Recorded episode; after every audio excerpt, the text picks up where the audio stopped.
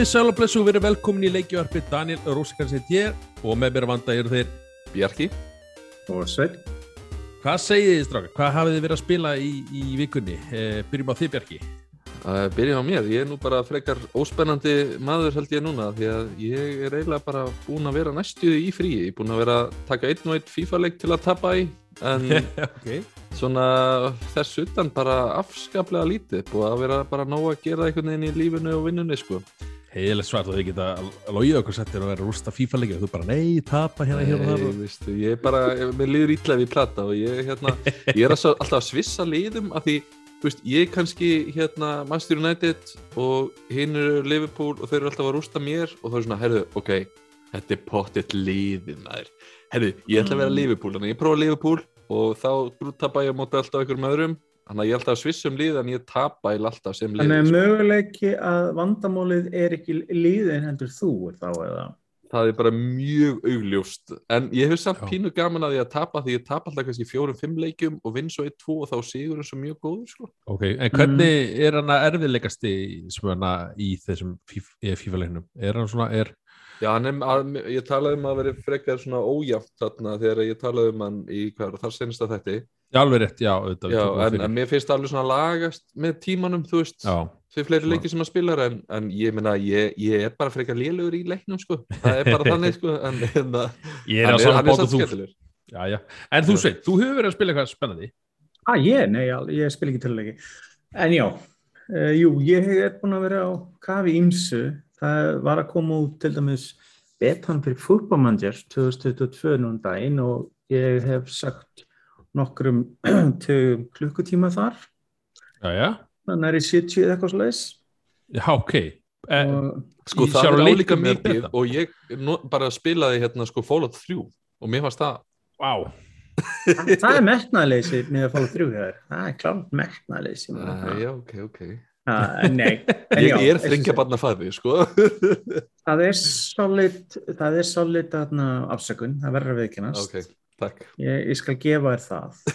Ég hef ekki alveg sumu, svo ég kannski, já, get leift mér, mér náttúrulega ekki. Ég skal við ekki um það, ég fór fallin fíkill þess að serju og hef alltaf verið það og þeir vanlega eru gera þannig að þeir gefa út betur fyrir leikin um tveim vikum fyrir útgáðu. Útgáðu á leiksins er 9. november næsta og kemur hann út á PC, Mac, Linux, uh, Xbox og hann er á Xbox Game Pass bæði Xbox útgáðan og PC útgáðan þannig að það er ekki leiðilegt út með Game Pass að þá vera aðganga báðum útgáðan með þess að þannig að mm -hmm. það er okay. eins og ég segi uh, margt spennandi, fyrstu sín virkar ekkert eins og ég segi eitthvað mikið breyst en það er með þessa leikjóft að þú tekur ekkert endil eftir rótækum breytingum strax, þetta er þetta sérið sem kemur út okkur einast ári Já. Þannig að það er svolítið að kafa dýpra í hann að Hvað er það sem svona dreguði í hann? Ég hef spilað þetta einu sinum, ég er persónulega fannst mér þetta drepleðilegt. Þetta er voða einmitt nákvæmlega. Þetta var bara Excel tölfræði. Ertu fútbólnöttur? Ertu, ertu að fylgjast rosa mikið með fútból? Það er brandarinn, það er ennabla brandarinn. sko, bróði minn, yngri, er miklu með fútbólstöpull en ég er nákvæmlega. Hann er svona típan sem áður frá æfingarleikina liðsins.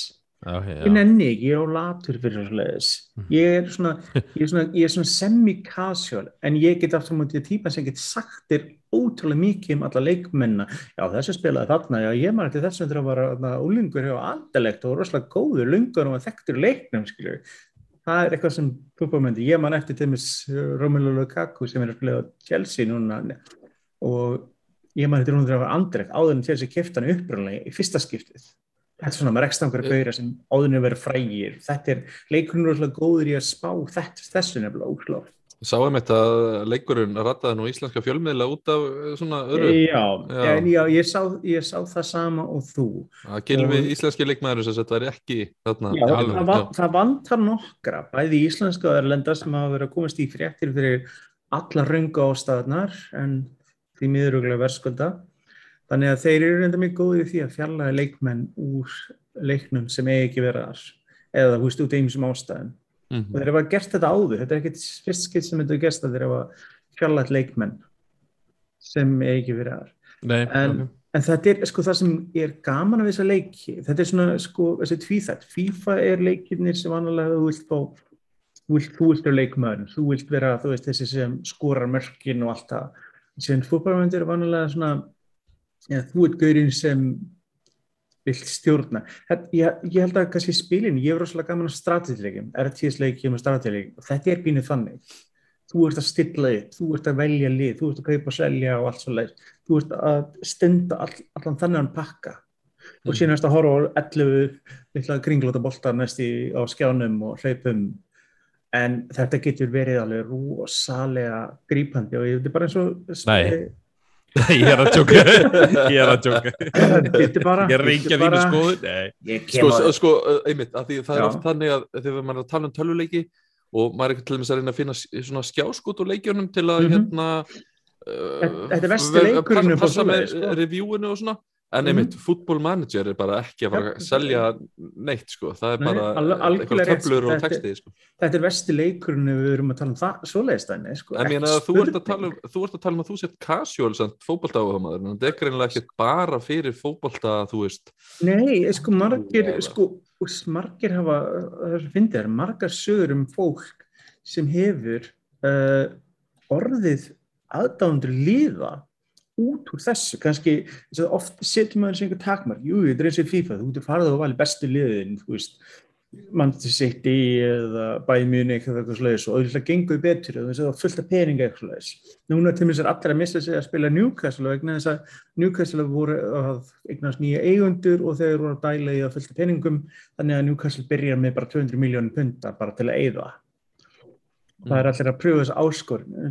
Það, maður leitar ofta þetta mjög smöndi. Ég spila þetta með mitt uppbólslið, Master United og reyna að gera betur en kannski gengur og gerist á vellinum en síðan stundum pröfuðu eitthvað algjörlega anstæð. Ég til dæmis, það er svolítið fyndið og sko, samfélagsmiðlan mína þá er ég að fylgja líði í Englandi sem heitir Bromley og, og spilar í fymtu deildin í Englandi.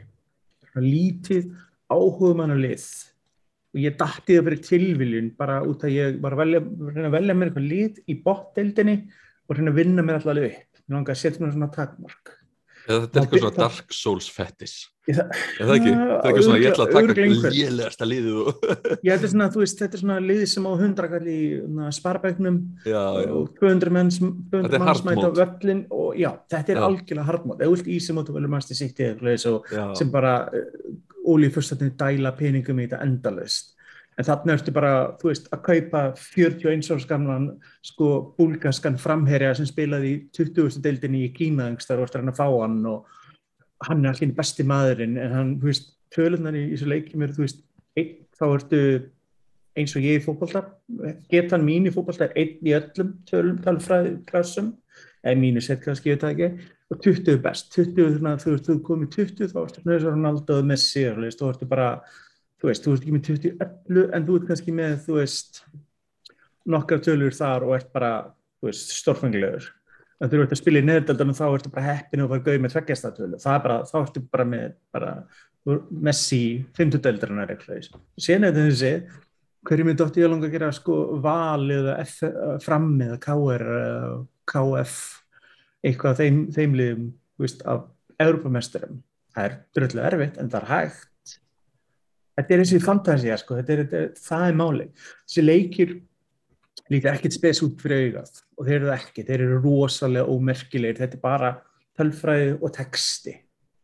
Þetta er svona, þetta er svona er oft sagt um svona suma tölvuleiki þetta er svona podcastleikur. Svona podcast eða út á YouTube eða Netflix eða Hvað var það þá sem að þú þú ert búin að spila þessa leiki ótrúlega lengið, ekki? Já, ég er búin að spila sem Champion myndið 2 Mástu hvað það var við þetta sem að þú veist, af hverju þú veist, hvað var það? Var það þetta challenge að velja léli lið og koma þeim upp eða var það einhvern veginn bara að prófa mismöndi leiðir? Sko, ég dætti í þetta fyrir tilviljum, það er finnast að við þetta. Sko, ég maður þegar Björn Pallar, ég og bróðum minn, yngri, og mamma og pappa voru köpinn í að telva og það var svona, hei, þú mátt velja sikkur leikinn, skiljuðu.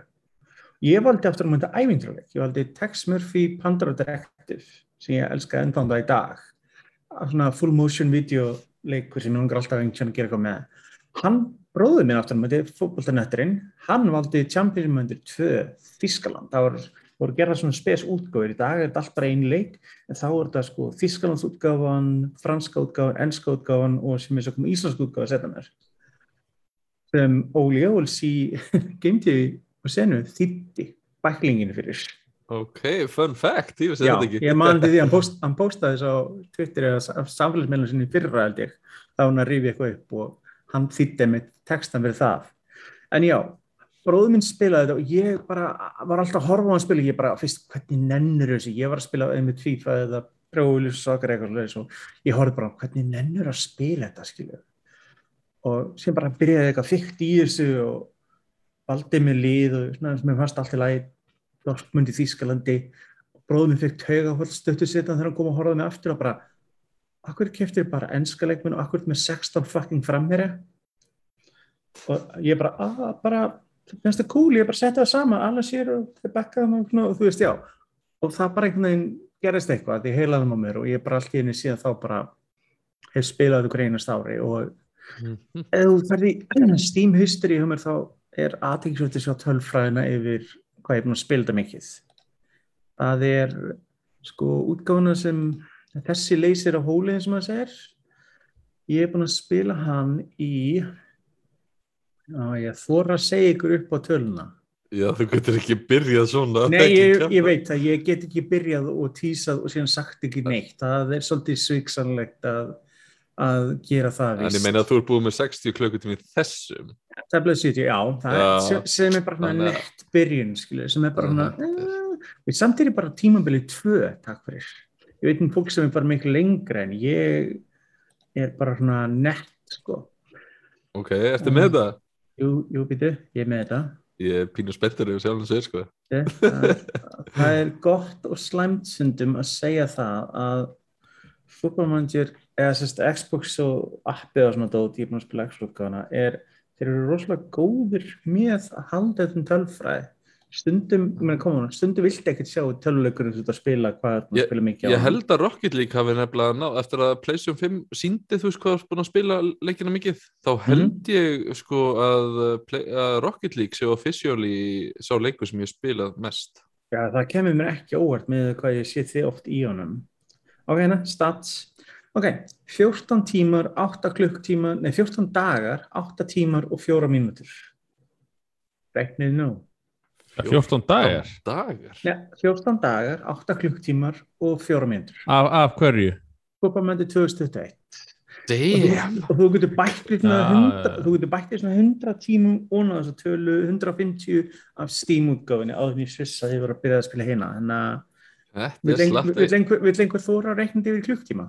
Nei, nei, heyri, ég held ég verið að stoppa á hérna fútballmanager uh, varpinu hérna Nei, Segð bara við, hlustendur okkar, ef þið vilja fá meira fótballmændir, sendið bara inn tölpost Það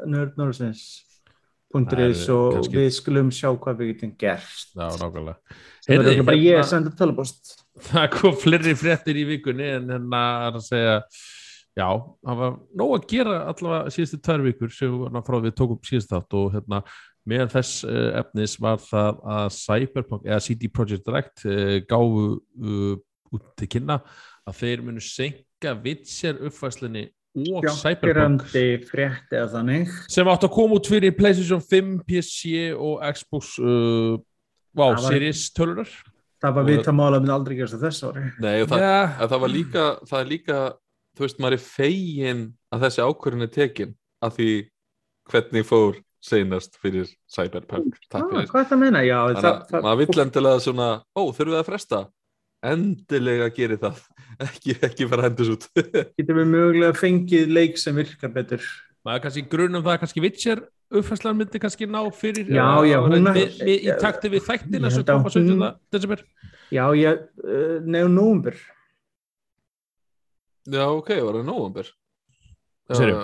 Var það ekki nómbur? nei, 17. desember Yes. já, sti, já, stikla 2 var að koma út ég er með þetta Ég- allt á hennu sveit ekki að hafa það 17. Já. desember, þetta var sama í, í þetta er svipa tími og fyrsta séri kom út fyrir hérna 2000 og var það 19 eða 18, mann ekki Mm, en Já, hérna, það er en stutt í rétt og er. ég bjúst við að, eins og segi, kannski leik þrúumfyrsla en hann að vera að koma þá en Cyberpunk, hérna, það kemur ekki óvart Ég held að það sé bara all hands on deck örugglega bara þarna og það er örugglega bara málið þess að hún sengar fyrir þess ekki. Þetta er samt rosalega leiðileg hérna, svona cyberpunk upplifun sko að því bara eins og þú veist þegar ég heyrði með leikin tilkynntan fyrst svona einhvern veginn að þá var maður mjög spenntur fyrir honum.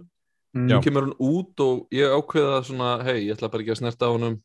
Hann er augljóslega ekki tilbúin ég ætla bara að spila hann þegar hann er tilbúin og núna þú veist er verið að fresta honum til næsta ás og þú veist ef ég á að vera alveg hinskilinn þá er ég ekkert spenntur fyrir að spila hann lengur einhvern veginn. Nei, það er, veginn. það er búið að skemma svo gríðarlega mikið og síðan er málið. Sko jafnvel þó þeir lægi helstu galla leiksins og fá hann til að keira vel það undirstekar samt að það, það er ákveðinu vandum á leiknum sem þú breytir ekkert nema og endur hann er vissan leikin mm -hmm. þeir eru ekkert að fara að gera það. Og það er málið. Það er ákveðin hönnun sem var þeir auðvitað voru með miklu meira ambitious leik og þú veist að strípa hann og strípa niður. Þeir hefðu aldrei átt að gefa hann út fyrir eldri kynnslöðnum Nei, það var stórfengli mistök. Bara Þau eru það. báðir búin að spila hann eða ekki? Já, ég er búin að, ég er búin að spila hann og hann. Ég var ekki hálnað með hann á PC svo hérna datt ég einhvern úr honum og, og, og, og það er svo langt síðan ég spila hann síðast, kannski meira en hálft ár og mér líður eins og þess að ég verið að hlaða upp núna, það var ég týndur í veröldinni og ég myndi ekki Mm. vilja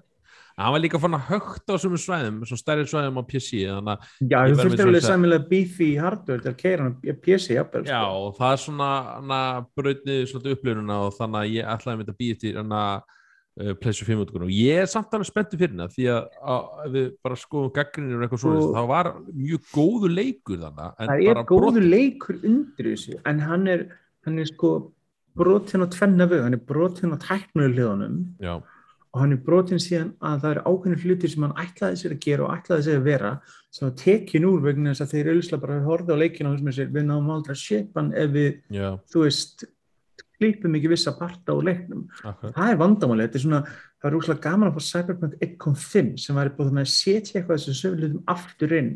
Það myndi ekki að lift leiknum upp á annan plan ég væri bara en ég hef enga að trú, hérna- trú að það gerir sko. Ég verður ekki sáttur eins og segi við Playstation 5 ef að veri svona minna bugs kannski minna þeim og ef að keiri smúð og eitthvað svo þá er Mm. ég örugglega bara sáttur með útgáðan ég hef ekkert að velta mig mikið fyrir hvað var hent út og hvað var bætt við og... nei, nei, en þú bara tekur eftir í stundum ef þú ert að spila leikin þá sérðu svona pínu í saumanna getur við sagt stundum. Já, já, það er vandamáli, það er kampænin er ekki, þú veist, þú þeir eru ekkert rosalega góður þú veist, að, þú veist þeir, það hefur ekkert svo mikið að segja þú spila nokkuð mission sem er uník fyrir hvernig það klassa, síðan Já. þú búið með það þá leikun alveg nákvæmst já.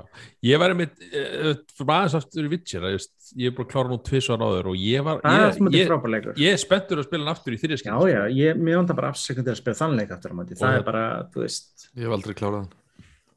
Nei, það er mjög fáir klárað ég, hana, ég, Ég, ég, hef ekki spilað en hann- ég spilaði hann í undir þrjá, svona, ég, hámark 5 klukktíma sko. ég er búin að klára hann þrísvar ég er búin að klára hann á Xbox og Playstation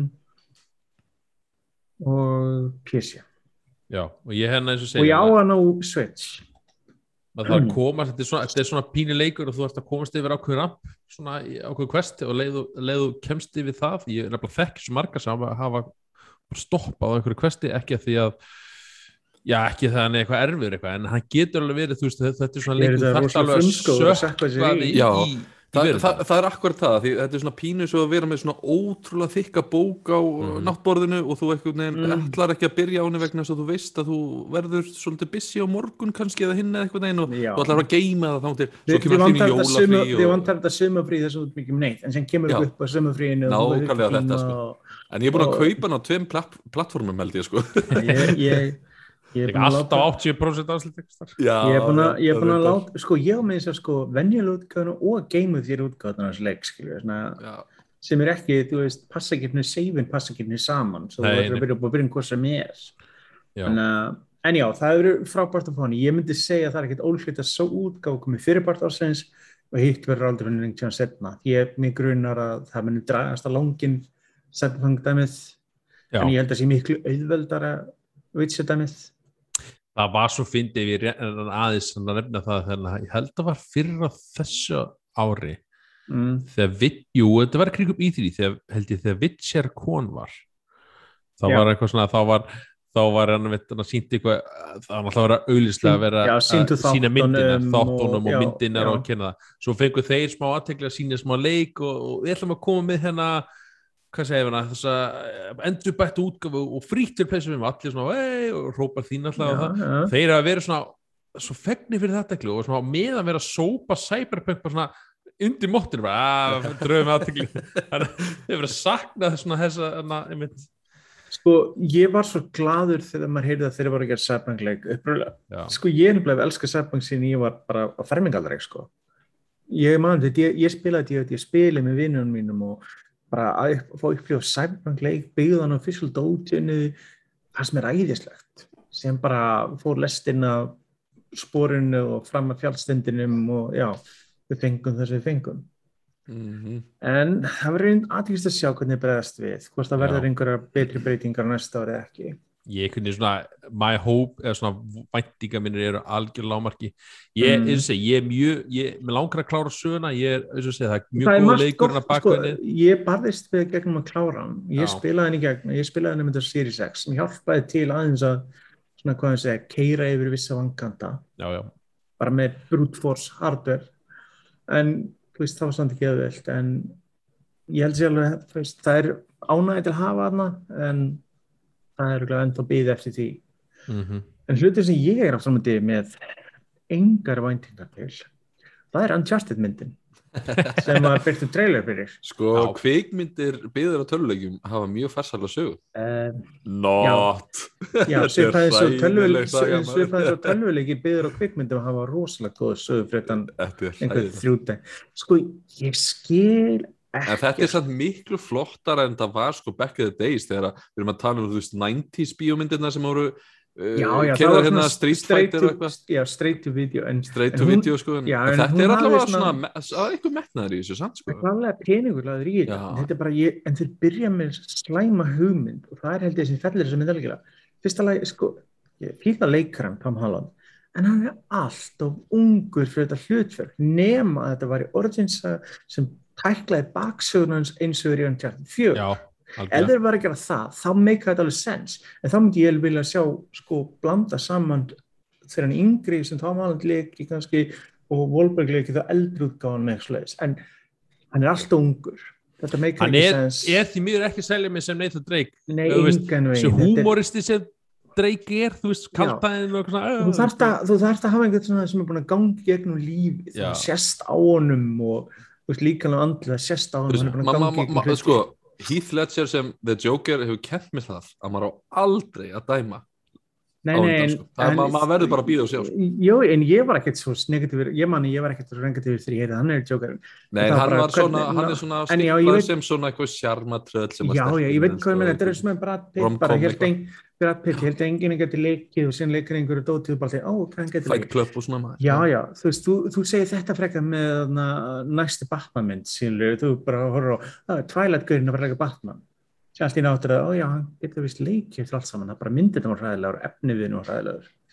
En bara málið þau, sko, þetta er ekkert að móti leik, sko, Tom Holland sem leikar, þetta er bara, hann er ekki rétt leikari fyrir þetta hlutverk og þetta handið er klálega, þetta er eins og bara að taka best af úr myndunum, eða þess fyrir ekki leikjónum og spúa til einhverja mynd og með Ég tók eftir framleiðslu því. vandræðin á þessari Já. mynd.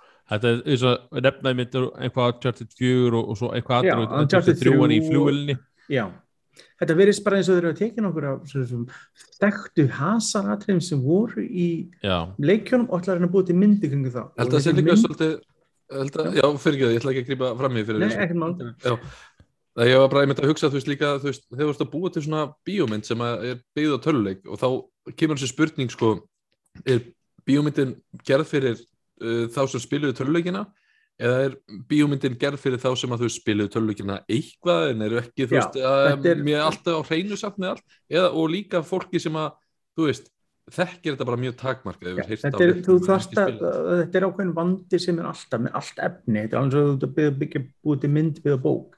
Hvernig ætlar að nálgast þetta, ætlar að hafa þetta aðgengilegt fyrir fólk sem la, hefur ekki lesið bækarnar eða ætlar að hafa þetta aðgengilegt Mér finnst nefnilega kvíkmyndir sem eru byggðar á töluleikjum yfirleitt hafa skort svona uh, hreinleika, eða meiri svona commitment til tölvuleiksins Já, Já, það það, hefur alltaf verið vandamálið. Þú ert líka að taka að búa til sögu sem er einn og hálfu til tveir tímar úr, Mhm. þú veist, eh, tölvuleik sem er 20 klukkutíma eða Já, já, algjörlega. eitthvað, algjörlega. sko. Já. En eins og sé, þetta er, ég bara sko þessi því, þið hefðu möguleika til að gera aðtíkisverða mynd eða þeir hefðu hort á einmitt sögu karakterinn í leiknum og veist, ok, við sjáum þetta þannig, við erum spil leikina og við kannumst við þetta allt svo leiðis. En mér bara, já, mér finnst ekki Það passa er líka bara með því hvað þessi mynd fór gegnum algjört framleyslu klúður alltaf verið að skiptu alltaf leikstjóra, hægri ég veit ekki hvað oft Já, ok, Og- þá og hljópa hérna bara mjög skelli staðrind að, að fyrst átti Mark Wahlberg náttúrulega að vera Nathan Drake. Já, maður Og- hefst og það nefnilega fyrst og, og að því, ok, að því að myndin var svo lengi tökum og, og leið svo langur tími að það nógu er hann orðin Sully. Aha, Hann veist, nákvæmlega, hann er svo gammal að hann bara, þú Já, það er en- bara, þú passar ekki leikur sem Nathan, þú verður bara tal, Sully talandu það, mér saknaði þess ekki stash á honum, það verður yfarskeggja hann salli á honum. Já, En já, er, ég- sko, kannski erum við bara í þessu sig, en að Mark, Mark Oberon er ekki alveg beint við Já, sem já. elskum en, en er Vissulega. hann en hann getur alveg gengið upp sem salli ég hef ekki á móti ég, því. það er þú veist, bara, ég er ekki að sjá þess að sjarma svona, ég er ekki að sjá þess að sjarma í mitt þessum, en að, þegar ég sé Sully, þegar ég horfa á hann veist, hvernig hann er og hvernig hann er byggður í hann hann er og sama með Nathan. Nathan og ég held við s- sáum ekki í trailerum, við sáum Chloe. Hún kom að byrtist fyrir hún kemur um Justice 2 en svo mæntalega kemur Elina, heitir hún ekki Elina Fisher? Já. sem hann að Nathan og, og svona eru er að tökum í bátnum í fyrsta leiknum og er, er held í öllu leikjunum. Jú, eins og þetta er bara þetta er, ég sko, ég bara spá þessi mynd muni bara föðra upp í meðsali hún muni, þú veist, síðan er slæmt fyrir henni greið leik, leikara þetta er önnu myndir hann sem er búin að sitja rosalega lengi á hakanum við sínt, það er önnu mynd sem hann leik í á undan þessari sem satt hakanum ég held að klárið í eitt og hálft ár og það var fyrir tíma COVID félagi. Þannig að þeir hefðu ekki enni það. Það er mynd sem veist, var rosa lengi í bara development hell og síðan kláruð bara upp í hillu eða fyrir ekki einhver hardreifi tilbúin en var taldist ekki nógu góð fyrir að vera gefin út þá til að vera flekt út bara til þess að deyja. Já, akkurat. Ég hérna, já, ég, maður mað á kannski aftur, estast til að bara tjekka á henni þú kemur, hvort það sé, hvort það er í ég, eða, ég, ég, eða ég mun bara sjá þessa mynd híklust, það, er- mun ald- það mun ekki skosta En, en ég ætla ekki að hafa neina vendingar ef hún er góð er jákvætt en ég, já. Það var eitthvað En svona heilalus affring, bara eitthvað þægilegt. Hún er með sko ekkert, hún er ekkert að kveikja í internetinu sko í, í gleði sko ólíkt. Svolítið að við erum að tala um eftir sem er að kveikja í internetinu fyrir aðra staður Daniel veit hvað ég er að vísi já, það er það, En God of War er að koma PC, það er það sem er að vísi. já, já klálega. Heyrði, hérna, Eh, já. við hérna fengum staðfest í bara fyrir viku síðan að það er bara að God of War hana leikurinn mm. uh, er að koma á PC sem er svolítið uh, hvað, stór svona, merki, milestone síðan reyna að finna. Þetta er- þú veist, við erum búin að fá Days Gone, við erum búin að fá. Anna Horizon og við erum búin að fá Death Stranding og núna er þessi leikur að koma. Þetta er svona mitt, að þessum öllum stærsta hérna svona PlayStation icon Já, og er maður ekki gleyma Uncharted 4 og Lexi er að koma næstar líka. Alveg rétt, já, það er bara í, í kringum myndin held ég Já, það er alveg aðtíðis eins og Sony er búin að vera hallað sér þess átt að geta gefið leikinu sín á fleiri stöðum. Já, eftir allan hans skot á, á, Microsoft og Xbox fyrir að gefa leikinu á PC þá skyndir þeir bara ekki nákvæða sama sem er ákveðin hafa þeir að skjóta það samt Já, það- allir, síðan bara, bara playbase sérstaklega og á það bara, já, þetta- ég playbase bara það er ekki exclusive leiki það er já, bara ég það, hlust Það hlýtur samt líka að vera svolítið, þú veist, þú gefur út leik exclusive, eh, þú veist, bara á Playstation tölunni, Mhm. svo líða þú veist, tvö, þrjú ára eða eitthvað, og þá er auðvitað sala mjög svona, Já, ég menn, þetta er Þú veist, bara dottið góð niður, sko. góð leið Ég sé lyfta svo veist, Já, mér, finnst ennþá mjög góð sölupunktur ef hérna Sony myndi að segja, herru, það maður gefa alla, þú veist, leikina sem koma bara á Playstation, þau koma bara á Playstation, en tvei mánu setna á PC. Já. Ég, Mm. finnst það góð sölupunktur samt, fyrir Playstation. eins og, þú veist, tímarammi eins með kvikmyndir þegar þeir eru settar í kvikmyndós frá þér með koma út á disk þangtið með koma streaming þú veist þetta er svona næstu færtur upp fyrir það sama En, Þetta er bara en þessi leikur er líka svo bara hérna, líka fyrir þá sem er ekkert eitthvað að missa sig í bara töluleikjum er höfuð þá er þetta mjög hérna þetta er svona bara íslenskt menningar verðmæti sko því það er svo verið að vísa í svo mikið af þú veist norrætni góðasögu, það er íslenski kórin við erum með Jú, íslenska tungumálið. Þú veist Já, það er svo já. mikið af flottu stöffi þarna sem að þú, veist, þú getur bara notað þú veist þetta, þetta er mjög eigulegu leikur. Það er það kannski sem ég er að Já, að já, segja bæði hann og Valhalla það er óvinnilega mikið íslenskt í þeim báðum Já. Valhalla er bara með fullt af íslensku leikur um Það er eitthvað sem saman íslensk söfn ættu bara, þú veist, að fjárfesta í á öllum formum bara. Já, já, þetta er mjög gaman, algjörlega. gaman að sjá þetta og þetta er einmitt aðtíðis að sjá það, Ma- maður er búin að sjá um þetta Sony er búin að vera breyta hans áherslunum og það er líka að sést hvað þeir hafa verið að fjárfesta í þeir keiftu, er núna örstu síðan að loksins var staðfest þarna langþráði orðramurnum Bluepoint Studios.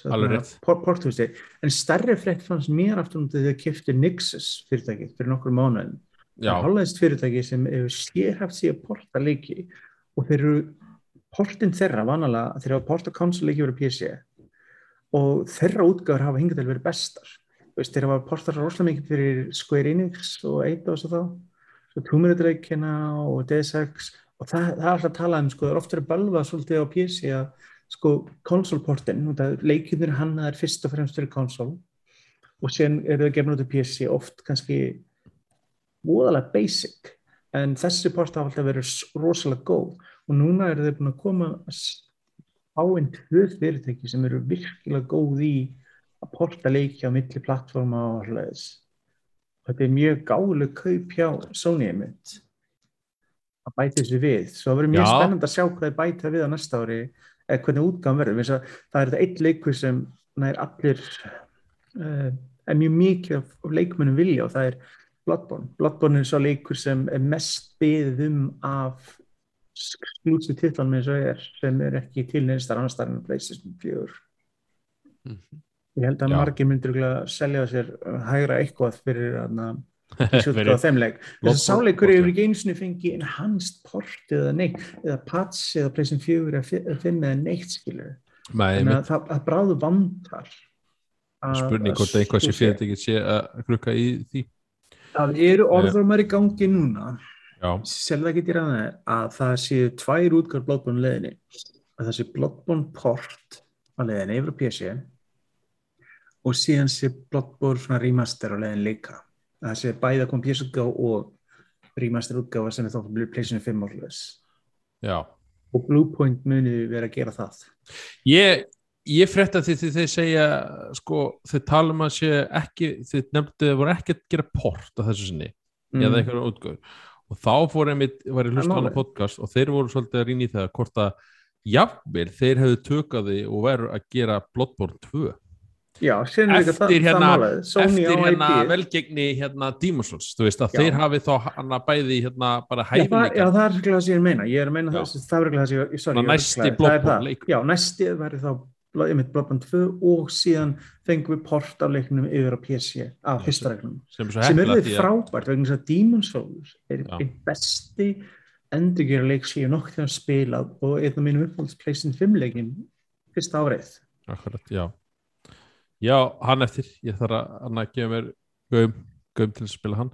Hann er og vonandi bara fyrir það síðar Það- þegar kemur eitthvað skortur að leikjum segi, ég er ennþá bara í eitthvað Deathloop og kláður hann og en hérna, já, þetta ver, eins og segi, þetta er spennandi var þetta bara, og ég bara samglast allir PC-spilurum Já, já, loksins að upplifa leiki sem maður er bara búin að heyra um. Því fleiri sem geta að spila leikinu því betra. Já, hann er bara komin á Steam núna, þetta fórbátan og ég náttúrulega ég er nú ekki talsmaður til að fórbáta leiki en, en, en, en það er gott að fylgjast með honum og, og um, mm. já, orðið sér um Steam eða öðrum veitum þegar það kemur já, já, algjörlega uh, rétt að nei, heyrðu, það er komið að hérna öðrumdagsplay, það er hérna bara fleira umræðinni, það var hérna við vorum búin að nefna þess GTA hérna í síðan Mhm. þetta, þá vorum við held ég minnir að við var ennþá kominn í orð trailer.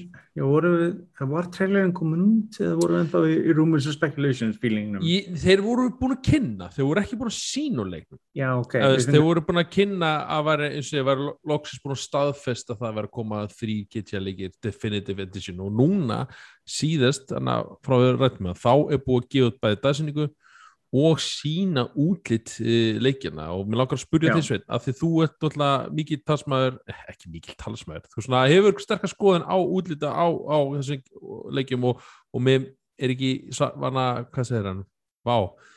Vegas, nei, Miami leikurinn? Vá, Vice City, er alveg stórum við setti, þetta var eitthvað Vegas? Þetta kom, Já, þetta er kom, ekki þetta kom þér á lokum. Jú, Vice City hefur alltaf verið uppáhaldsgeitleikurinn minn. Já. það er fyrst og fremst fyrir sögursuðu tímabilið og tónlistina. Og það er svona leikur ef ég hefði já, getið fengið eitt rýmastir á leik þá var alltaf sáleikur sem ég hefði vilja. Ok, ég er rosalega forvitin að sjá hvernig það verður vegna þess Já. að sko það sem ég langar að sjá núna morgun er fyrsti november það er tíu dagar pluss í leik, þetta útgáfu. Mér langar að sjá hvernig það keirir og sjá hvernig það veist, stjórnast vegna þess að það er stæðsti erfiðasti hlutur er bara tilbaka spila GT-leik í dag er stjórnuleikjana ok. Það er rosalega erfitt, hún var rosalega getið þrjú að Vice City San Andreas aðeins betri. En þrjú að City voru með rosalega clunky controls. Og það er rosalega strempið að fara tilbaka og að spila þessi leik í dag Hvað, þegar þegar var að tala um GTA 3 leikin hvað, þú veist, hvaða leiki getið þrjú City, Vice City og San Andreas. Þetta eru þessi þrý leikir sem kerur allir á sömu vél renderware vélni þeir eru leikir sem koma allir út af pleysin 2 og Svo, svo, svo var að koma út bara fyrir mjög stuttu uh, bara fyrir 2-3 dögum, þá var verið að tilkynna með þetta GTA San Andreas VR útgáfa var í þróum fyrir Oculus 2 Já, ég sá sko. það ég sá Meta! það ég sá það, já, ég bara hvaða er Sama þetta, tíma skilur? Sökkerberg er hérna að velkom, já, Já, bjóða öllum í meta heimsókn Já, og gle- gleymið þetta hræðilega sem gert vegna þess að við erum annað fyrirtæki og þeir klárlega eru ekki búin að gera það sama á allir hinnir Nei, uh, Já, þetta er svona en ég verður rosalega vortin að sjá þetta er þetta útgáfa sem er koma út núna strildi safni er að koma út eins og þessi 11. november á leikjadölunar ætlaði að tekka á sig það? Ég veit það ekki uh, Nei, ekki já, Sko- ég ætla að gera það. Hérna, San Andreas er að koma á Game Pass fyrsta daginn og ég, ég finnst ekkert ólflegt ég testi hann bara samantræðast, nei Jú, á Game Pass Kemur, kom ekki allir þrýr? ekki Game Pass, nei Ha? bara San Andreas San Andreas kemur á Game Pass ah. og GTA 3 kemur á PlayStation Now í desember þetta er mjög spes en enginn fara að vera sitt í virðist þetta Býtu, er, getur keft þess að leiki í er það? já, já Ha. Hvað bara á Steam þá eða eitthvað Eru ekki ennþá að tala um The Trilogy? jú, Edition? Edition jú, Ég held að vera bara einn, eða þeir eru ekki- þeir eru ekki Steam þetta er þarna Nei, þeir- Rockstar launch Já, þeir gerðu það, þeir eru að taka hann út á Steam og, og hann verður aðeins fálegur á Rocket, Rocket á Rockstar Launcher já, og byrju, var, var San Andreas og Vice ekki samt svona semi-viðbót eða eitthvað? Er það rögglega meira eða? Þetta er svona Nei, Þú veist að því það kemur GTA 1, 2, 3, Já, Vice já, og San Andreas GTA og svo kemur sko- GTA 4 þetta voru 1 svona og 2 sko GTA 1 og 2 og síðan losa neðan London voru alltaf þessi leikir, þau voru top down. GTA Já, já, 3 já. var fyrsti 3D leikurinn Já, já, og, og þetta er fyrst talum við þrýleik þetta er leik, serið sem keirir á sömu engine og allt saman. Mm. þannig að þetta er, þú veist, þessi útgáð þetta er þið breyttu. Serían tók stökk frá svona, 20 eða óverhætt Sko- sjónandi yfir í fully 3D leikur. Ég átti nefnilega alveg Vice og San Andreas eftir hana. Þegar þið er að tala svona um þetta þá held ég að ég verði eiginlega að kaupa þetta sko. sko, þetta eru góði leikir. Ég held að Já, að fyrsti eldist ég mér, mér nefnilega þýstir svo mikið líka í nýjan eh, GTA-leik í single player, ég er svo mikið þar. Ég nenni ekki, ég nenni smá multiplayer en ekki mikið sko, en Já, ég, sko og segi, sko, ég held meira ég hef engan hafa GTA Online til það hefðar ekki tími fyrir fimmering sko. Ég, ég myndi eins og þú sko, ég hef meira gaman af þarna single leikjum og Já, Vice já. City, ef ég fæ Vice City með bara aðeins betur grafik keira aðeins betur og stjórnun nummer 1, 2, 3, stjórnun leiksins er betri. Þá bara sign me up sko, þá kaupi ég hann bara heiklaust. En þú veist, já, það er það sem ég vil sjá. Vegna þess að þeir lofa að þetta verði um, stjórnunin úr byggð á GT5 Já, ok, það er töff. ef að það er þá er ég bara all in það er sko, náttúrulega var á PC þá hann kom hann uppfær alltaf á San Andreas einmitt, þá hann var þetta vera með svona stýra svolítið hana, Já, en, en þú ert að tala um San Andreas útgáðan sem portu var farsíma portu útgáðan það er lag sem var strípuð nýður, já, ok. bæði tónlistarlega og öðru sem er astanlegt en, en hérna til að leiðrétta, eða ekki leiðrétta bara staðfesta það sem við vorum að ræða á hann hann að uh, jú, það er að rétt hjá að Game Pass útgáðan af San Andreas verður eða San Mhm. Andreas verður engungur fálur að gera Game Pass, Jep. eða þú veist wow, þú, þú ert með Game Pass getur bara að spila San Andreas en hérna, ef þú vilt spila hína leikina, þá þarf að kaupa hérna þrý útgáðan þú Já, getur ekki að hína já, sín ég nei, ég held að að köpa þetta stakt, það er alveg rétt, það er ekki að köpa þetta stakt eins og er, en örgulega fyrir að síður verður þetta stakt á einhverju, Ég, ég er það Keppnisverði. spurninga því þetta er alveg sko, þetta er eitthvað 60 dólar pakki ég veit ekki hvort ég, Pleasure 5 kannski 70 mm, og, og, og eins og segi, þetta er 70 dólar pakki fyrir þess að þrjá leiki og fyrir, ég ætla að segja svona mínu skoðan á þessu að ég verð að segja að þetta lítur miklu betur út einhvern veginn ég þorða að vona. Ég er svona, Sumir ég, eru ekki elska stílinn, finnst þetta eitthvað of kartún já, ég það er eitt, eitt svona persónu sem er svona einhverju svona, kannski en á svona móti kemur asnalega- leik, leikir einhverjir. voru alltaf svolítið kartúni svo ég er ekki alveg að skilja Já, þú getur eiginlega ekki búist við eitthvað svona super realistic Nei, sko, það, það, leikjum. vegna þess vegna þess að þetta virðist er að fara millibilið á milli að vera remake Já. og remaster það er málið, þetta er korugt og þar er leiðandi Það er stöð að svolítið áhugavert er einmitt, ég heyrði 70 dólar er alveg slatti eða svona Já, en Já, maður, eins og segja, þetta er, alveg- þetta er örgulega vel yfir alla 20-30 tíma spilin en maður, ef maður tekir alla leikin í gegn sko Mhm. og fyrir án svindl þar að segja, nei, Já, þetta er alveg sæmilega drúi pakki, sko, þetta er 55 pund í Breitlandi já að Það, sé, svona mér finnst þetta bara svolítið sko. allavega sangjart verð fyrir þennan, þennan pakka fyrir allar sem þrjá, það er að segja og sérstaklega þessi leikir ég, þetta hefur eftir að seljast en að grílega sko. það er sko, bara, og ég, segi, maður bara, ég skil alveg okkur Xbox tríði sér San Andreas og það er vinsælusti leikurinn það er ekki uppáldið mitt aftur á mæti en finnst það ekkert slæmum mér bara, finnst hinnir betri sko. Þannig að þegar þetta segjum við ætlar Game Pass, þá, þá þarf að kaupa þetta, ja, þetta er svolítið snúið því að þú þarf hvort er að kaupa hann ef þú ætlar að spila hinn leikina þetta er svona, já, ég Já. bara San Andreas. Ef ég ætla að spila bara að San Andreas þá ert ég ekki að gera neitt já, bara ég er svo náttúrulega eru, einmitt, eins og þú segir fólk sem fíla kannski bara San Andreas og vill bara spila Já, hann. það er ástæðan fyrir völdan að þetta var, hefur alltaf verið vinsrasti leikurinn og það Ég- sem fólk talar ennþá um er sá leikur, hann lagði þetta svo mikið grundvöllin af þessum fjóru og fimm urðu Ég hérna á kannski mesta hana, hana, hvað heitir það, svona mestu minningarna náttúrulega í nummer þrjú. Og, og, og ég svo fyndi ég, ég man eftir hvenær og koma, bara- 2002 ég maður því. 2001 2001, já sannlega, ég hef verið 11 ára og ég, ég, get, ég bara skamast mér ekki fyrir það, ég var náttúrulega bara að spila hana því að þetta voru bara 18 pluss leikir eins og eru, en það stoppaði mann ekki 20. alltaf, annan oktober 2001 já, það stoppaði mann ekki til þess að laumapúkast og ég manna, bróður minn, Ah, mann eldri, hann átt hann og, og maður vissi alveg hvar, hvar hann var geimdur og maður var alltaf sko setja hann í tölvuna og pappið þú ert að hlusta þá vill ég vinsælast hann að, hann að slökka á podcastin þá var maður alltaf að laumapúkast setja hann í og passa þess að hér er fóruðra sláinn svindlinn til að bara skriðdregan og byssurnar og heilsu og allt svona dót. svo var ég mitt, maður gerði það alltaf veist, þú varst með vinum og var alltaf að skiptast á að þannig að hversu, þú kemst til að Þú lukkur varst, að, já, hér þú varst að búa til þín einn þú varst ofta að búa til þín einn skemmtun vegna þú varst að að sjá hvað er mitt góðkvæmt lífa lengi af og fimm Já, stjórnum með einhvern dóti og það er Svo- það sem gerði þess að leiki svo skemmtilega. Svo einhvern tíma klára ég held ég allavega, ég klára bæði Vice City og, og nummer þrjú á þessu lóta svindl og mér fannst það bara alveg skemmtilegra. Það er bara Mm. svona, þá fór maður eh, veist, ekki maður eitthvað, eitthvað peningavissin eitthvað þannig, þá var bara svona svindli var bara svona, að ég ætla að fara skriðið ekki, að rústöllu og eitthvað svona hitt ég, en þú fórst ekki svona í nótaðin og, og svona að fara að varla í hlutina en að, Þetta er eins og trixið þegar þú varst að reyna að fljúa dótavilni ég maður ekki, ég unir ég þrjú líka Þú varst að reyna að fljúa þeirri vélma sem bara eins og vangstíð fugg sko, að reyna að láta hana koma sér lengst að kortinu og, Ég notaði yfirleitt sko þegar svindl voru orðin svona sjálfsögð, þau voru ekki Mm. svona einn sjálfsögð áður hérna, að þá, þú veist, var ég með þá svona óskrifuðu reglu að klára leikin fyrst, þú veist, og svo prófaði ég hann aftur með svindli. já. Þannig að ég spilaði GTA 3 bara alveg í gegn ansvönda svindl, ég líka, áður en sko. ég notaði svo svindli, sko.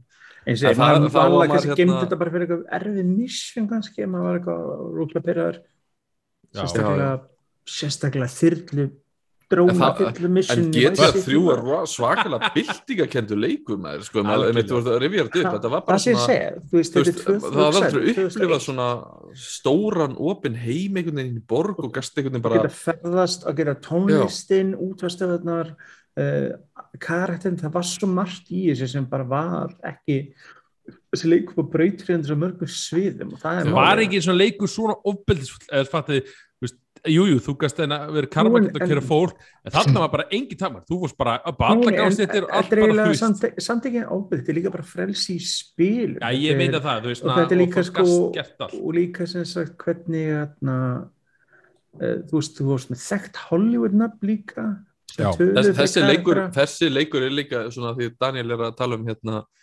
ofbeldishlutan að þessi leikur mitt svaka mikið í fjölmiðlum sko.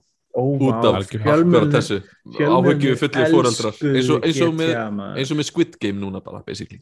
Yep. Nákvæmlega, það er eins og, er eins og finn, sko, já, jú, jú, það er þessi umræð kemur alltaf svona aftur upp á þeirri búin, það kemur alltaf einmitt, síðast með Squid Game, það var bara, veist, maður hugsa bara, veist, ég, það spila allir GTA, þú veist, eða eins og ég laumust í GTA, eitthvað svolítið, svo auðvitað er ég ekki að segja neinum að, eh, veist, maður, ég, ég myndi aldrei til svona að láta bötta mín eða eitthvað svona, svona horf Game og eitthvað svolítið, en, en jú, maður þarf náttúrulega að sína bara ábyrð og líka bara sem fóreldri að, að, að veist, þetta er ekki segja skemmtun en þetta er svona ætlast enn teimi þú verður að veist, gera grein fyrir bæði raunveruleika og, og, og alveg, er alveg 100% sammála þessu en það sem að mér finnst samt aftur á móti svona svolítið öðruvísi sem að hefur breyst og þú veist, þú varst að tala um að þú hefur verið hvað 11 ára þannig þegar að GTA Já. 3 var Mhm. já, þú veist, ef þú berð sama þú veist, þegar ég var 11 ára hvernig grafíki leiki já, í þegar já, og þegar svo þegar þú ert 11 11 ára og svo þegar þú veist, núna í dag 11 ára krakkar sko. Er svo Þetta er, svo, þetta það er það sem að, þú veist, og ég er ekki að segja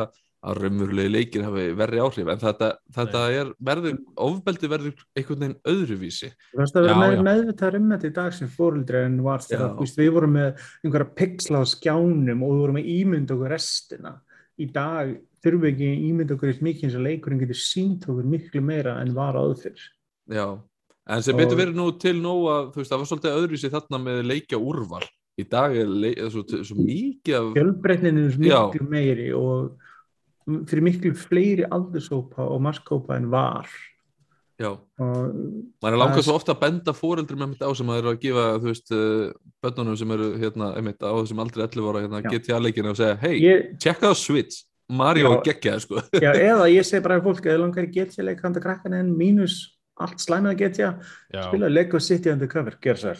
Hann Það er ekki góður, sko. Ég er saman, það, hann er, mjög góður. það, er, það GTA leikur mínus það. Þú getur meins að laga með fólk minni mig, eða ekki? Já, en það er, það er, svona, það er, svona, það er svona cartoon violence Já, já, það er svona, þú veist, og það sleppur og það er málið, þannig að það er til alls konar svona einmitt sem fyllir upp í þennan uh, kapla fyrir vikið. Svo er skemmtileg saga hérna e- ekki svona uh, sem punktu það og þá hérna var ekkur hérna sem ég þekki og hún var að fara að vesla hérna uh, sem sagt jólagjöf fyrir svon sinn og, og hún fór einmitt í Elko og var að leita af tölvuleik svona að, og hún fann bara ekki leik svona sem hann svona yfir að spila og, veistu, hún bara sagði, vildi sagði bara við hana Sulemann já sko það má eiginlega ekki vera svo opbeldisleikir eitthvað svona veistu, ekki svona ljóti leikir svo, svo orðaði það. Og þá hérna, já, og svo bara, já, og er ekki að leita og svona, já, en svo hún okkur leikan í hillinni, hann hann er rosa gaman að þessum, hann er svolítið að spíla hann og bara hún að benda á GTA, hann bara, ha? Og- vissi Þá getur þú að ekki- spila hvað sem Hún vissi er. ekki til innhaldi, Já. sko. Sko, ég, sko, ég vann við að selja tölvuleiki í, langa tíma og ég var alltaf mjög upfront við alla fóldrar. Það var mjög algengt að fóldrar voru að koma og kaupa ég myndi getja eitthvað svona hann fyrir krakkan Já. og ég bendi þeim bara, þú veist, að ég gerði þessi grein fyrir hvað þau voru að kaupa Nákvæmlega. og sagði við, sko, frætti þau um það og síðan eftir það, ef það ákveður að taka, kaupa leikin samt þá er ég búin að vinna mínu vinnu þú veist, ég er búin að benda á annarkot aðra valkosti eða segja hvað það er og eftir það, þá eru auðvitað alltaf uppalandans að uh, Já. velja Þú, fyrir þú varst barnið. á gemstuðinni þá eða? Já, me, Já. já. me, meðal annars en já, eins og segi, þetta er bara eins og þegar ég var, í vídeolögu líka, þá var það saman pakkin skilu, þú veist, mú alltaf að segja fólki er, kannski er þessi myndi ekki alveg málið. Já, þú ég hérna já, það hefur verið sem við vorum að tala um breyst eða vonandi að leitið, það er líka einmitt uh, sem við ræðaðum með fóreldra hvað á að leifa og hvað að spila. Það er svo mikilvægt að einmitt að fóreldrinir svona kynni sér efnið. Þú veist, Þetta er bæði með er og annað. rosalega einstaklingsmiðað. Sko, bara það sem- það gefa sér gaum að, að, að hvað er, hvað er krakkin að spila skilju, hvað Já, er, það er, eru er, er, er, eins og sem bara er kreditkortið í leiknum með þessu tölvunu og veist, lang, lang besta er, þú veist, ef fóreldrarnir er sérstaklega eru, þú veist, yngri og allt þetta, en það er líka gaman þegar þú eru eldri, að það er bara að spila með Þú já, veist, bara sína áhuga. Roblox eða uh, Counter-Strike Nákvæmlega. eða whatever, veist, það er langt skemmtilegast en, þú veist, ef, ef fóreldrin er bara, þú veist sorry, ég hef ekki tíma, ég er hérna bankalögfræðingur eða eitthvað, sko. Já, þetta er, að, að þá, þá allavega að tjekka á þessu pekidæmi og ég Já, skal bara já. setja á hérna forsíðuna á, á Nörd Norðusins að við byrtum einhvern grein um þetta, sko. Já, ég, að ég, tjekka á? Og svo, og svo er var líka mjög- hérna, uh, tölfræði frá hérna, ég veit ekki hvort það er kíkist stundum á hana hérna, ESA Entertainment Software Já, Association hann í bandarækjunum og gefa út tölfræði fyrir hvert ár Mhm. og ég kíkja á þetta á hverju ári og það er alveg búið að skyrocketa meðvitundin hjá fóreldrum á bara seinustu nokkrum árum 5 Já, til ég- það var rosalega þannig að fólk pældi aldrei í ekki neitt, vissi ekki Það hvað það var- er þau eru allavega eitthvað að pæla í þessu núna sko. Já, það, það er búið að batna mikið Já, mikið. í umræðin líka það Hálfleikir eru meira félagslega viðkyndir í dag en þau voru, Já, bæði já. út af með tilkomi rafi, íþrótt og alls konar annar hluta. Já, og líka sér eins og bara að 66% af Íslandingum að spila og bara, þetta er tölfræðin alls staðar. þetta er búið, er að sína sig að þessi hópur og líka síðan er búið að gerast það við og sérstaklega kannski já, veist, sem ólust upp við þetta erum án eldri í dag, eigum börn kannski sjálfur og þannig að við þekkjum minna á þetta allt öðru þessi pól en kannski fóldra okkar gerðu veist, mamma mín kallaði alla tölu Nintendo út af við áttum, gömlu gráu nestöluna fyrst sem pappi komið um siglingu einu sinni. Þú veist, þá var alla tölu Nintendo þetta er bara eins og að am- amma einn gæti allt góðs kók eða eitthvað sluðis, þetta var bara fyrir henni og allir tölu líki Nintendo þannig að þú veist, þetta var bara þannig. Hún ekki, vissi ekki betur, ég skilða alveg. Nútíman útgáfuna þessu, það er nú hellinga fólki á öllum aldrei sem kallar spjaltölur bara iPad. Já, Mhm. þetta, þetta er sama dæmi, þetta, er, þú veist, þessi, þú veist, þetta, bara, þetta var svo leiðis, en við þetta höfum alltaf verið þessi þekkingu á þessu og við vitum bæði hvernig ve- var að vera krakki sjálfur vilja komast í eitthvað, ég maður að fara til vina með þess að spila einhvern leik, skilur og allt þetta sko, eða horfa á einhver hryllingsmynd og eitthvað sem, þú veist, var bönnuð og Mhm. það er bara fylgir yfir krakki sko, en sinni okkar sem fóruldri að passa upp á þetta heima hjá okkur og fræða þess okkur sjálf og börnin. mm algjörlega og hérna, já eins og ég segi, eh, ég ætla bara svona enda þessu, þessu umræðu þessu eh, Bjarki, ætla þú að vesla að pakka? Já, veistu, ég bara held að ég er eftir að kaupa þetta. Sko. Ég, ætla, ég ætla að byrja á San Andreas að því ég er með Gamepassið og sjá hvernig ég er að Mhm. fíla það. En ég er mjög sko- líklegt að ég kaupi þetta. Sandra sem alveg var fyrir mig, eða þannig til sjöleiknum, ef ég sé stjórnkerfið gott, þá er þetta bara instant buy fyrir mig allir þrýr. Ef ef það er, þá er ég bara all up Já, in er it. þetta bara eftir að lesa Ég er ykkur sem, já, ég er- ég er mest hættastur samt við eitt og það er erfiðasti hlutin oft við endurútgefa allt efni, hvort þið töluleikur, kvikmyndir eða annað, er rétt hafa dæmi í kringum tónlist og annað. Og þessi leikir eru frægir fyrir tónlist. Maður Mhm. spyr sig, og þeir hafa verið síðustu árin að taka tónlist úr leikjum. Bæði sérstaklega get ég fjögur, síðan aðeins fimm sem þurft að endur semja um og þeir gerðu ekki að náði ekki. Nei, Þannig að þú veist, þú, útgáfan sem var pressuð á disk að GTA 4 er ekki lengur svo samútgáfa og er í dag vegna þess að vandar heila útástöð í leikin held dæmis. Og maður er rosalega bortin að sjá, þeir eru held ég ekki búin að staðfesta ennþá alla. Það finnst væsið í sérstaklega, sá leikur fókusar svo grimmt á tónlistinu þess að hann er að spila okkur tímabil, 80s tímabilið. Mm og tónlistin er líkil punkturinn þar miklu meiri í hýmtrænleikanum Þannig að ég er rosalega forritin ef það eru búin að garta allt tónlistina þá verður maður alltaf inn bara það kemur bara eitthvað nýji stæðin bara eitthvað öðru sig En þetta er nógu eitvístónlist, það er ekki það sko. En, veist, en það bara það þarf að vera eitthvað slags Já, já, ég, alveg ég, vil fá, ég vil fá mitt Flock of Seagulls lag í GTA 3 Vice City, það er bara þannig. Ef ég fæ ekki það þá er ég söktur heyrði, hérna, já sé, ég held ég pikka hann líka upp, en ég ætla að segja verða bara að lesa gaggrinni bara svona sem sjá og ef þetta er að fá bara fína dóma og með, eins og með stjórkari þá er það glögt að kaupa hann mm. En hérna, já, Nintendo voru hérna að gefa út uh, expansion pack og það er komið út er þið ekki allir búin að stökkva það? Já, nei Viðbótar áskrift er aðeins og hár, hár vermið smekk Hvað hva, hva erst að meina? Mest downvota kommentið á Já, YouTube. Fyrir og síðar, þeir slóu met. Nei, er ekki sem Nintendo-vídeó Jú, örgulega, en já. Jú, jú, Það þetta er verst að download eða mest downloada Nintendo. munurinn er rosalega líka á liked og dislike prósentunni hjá þeim.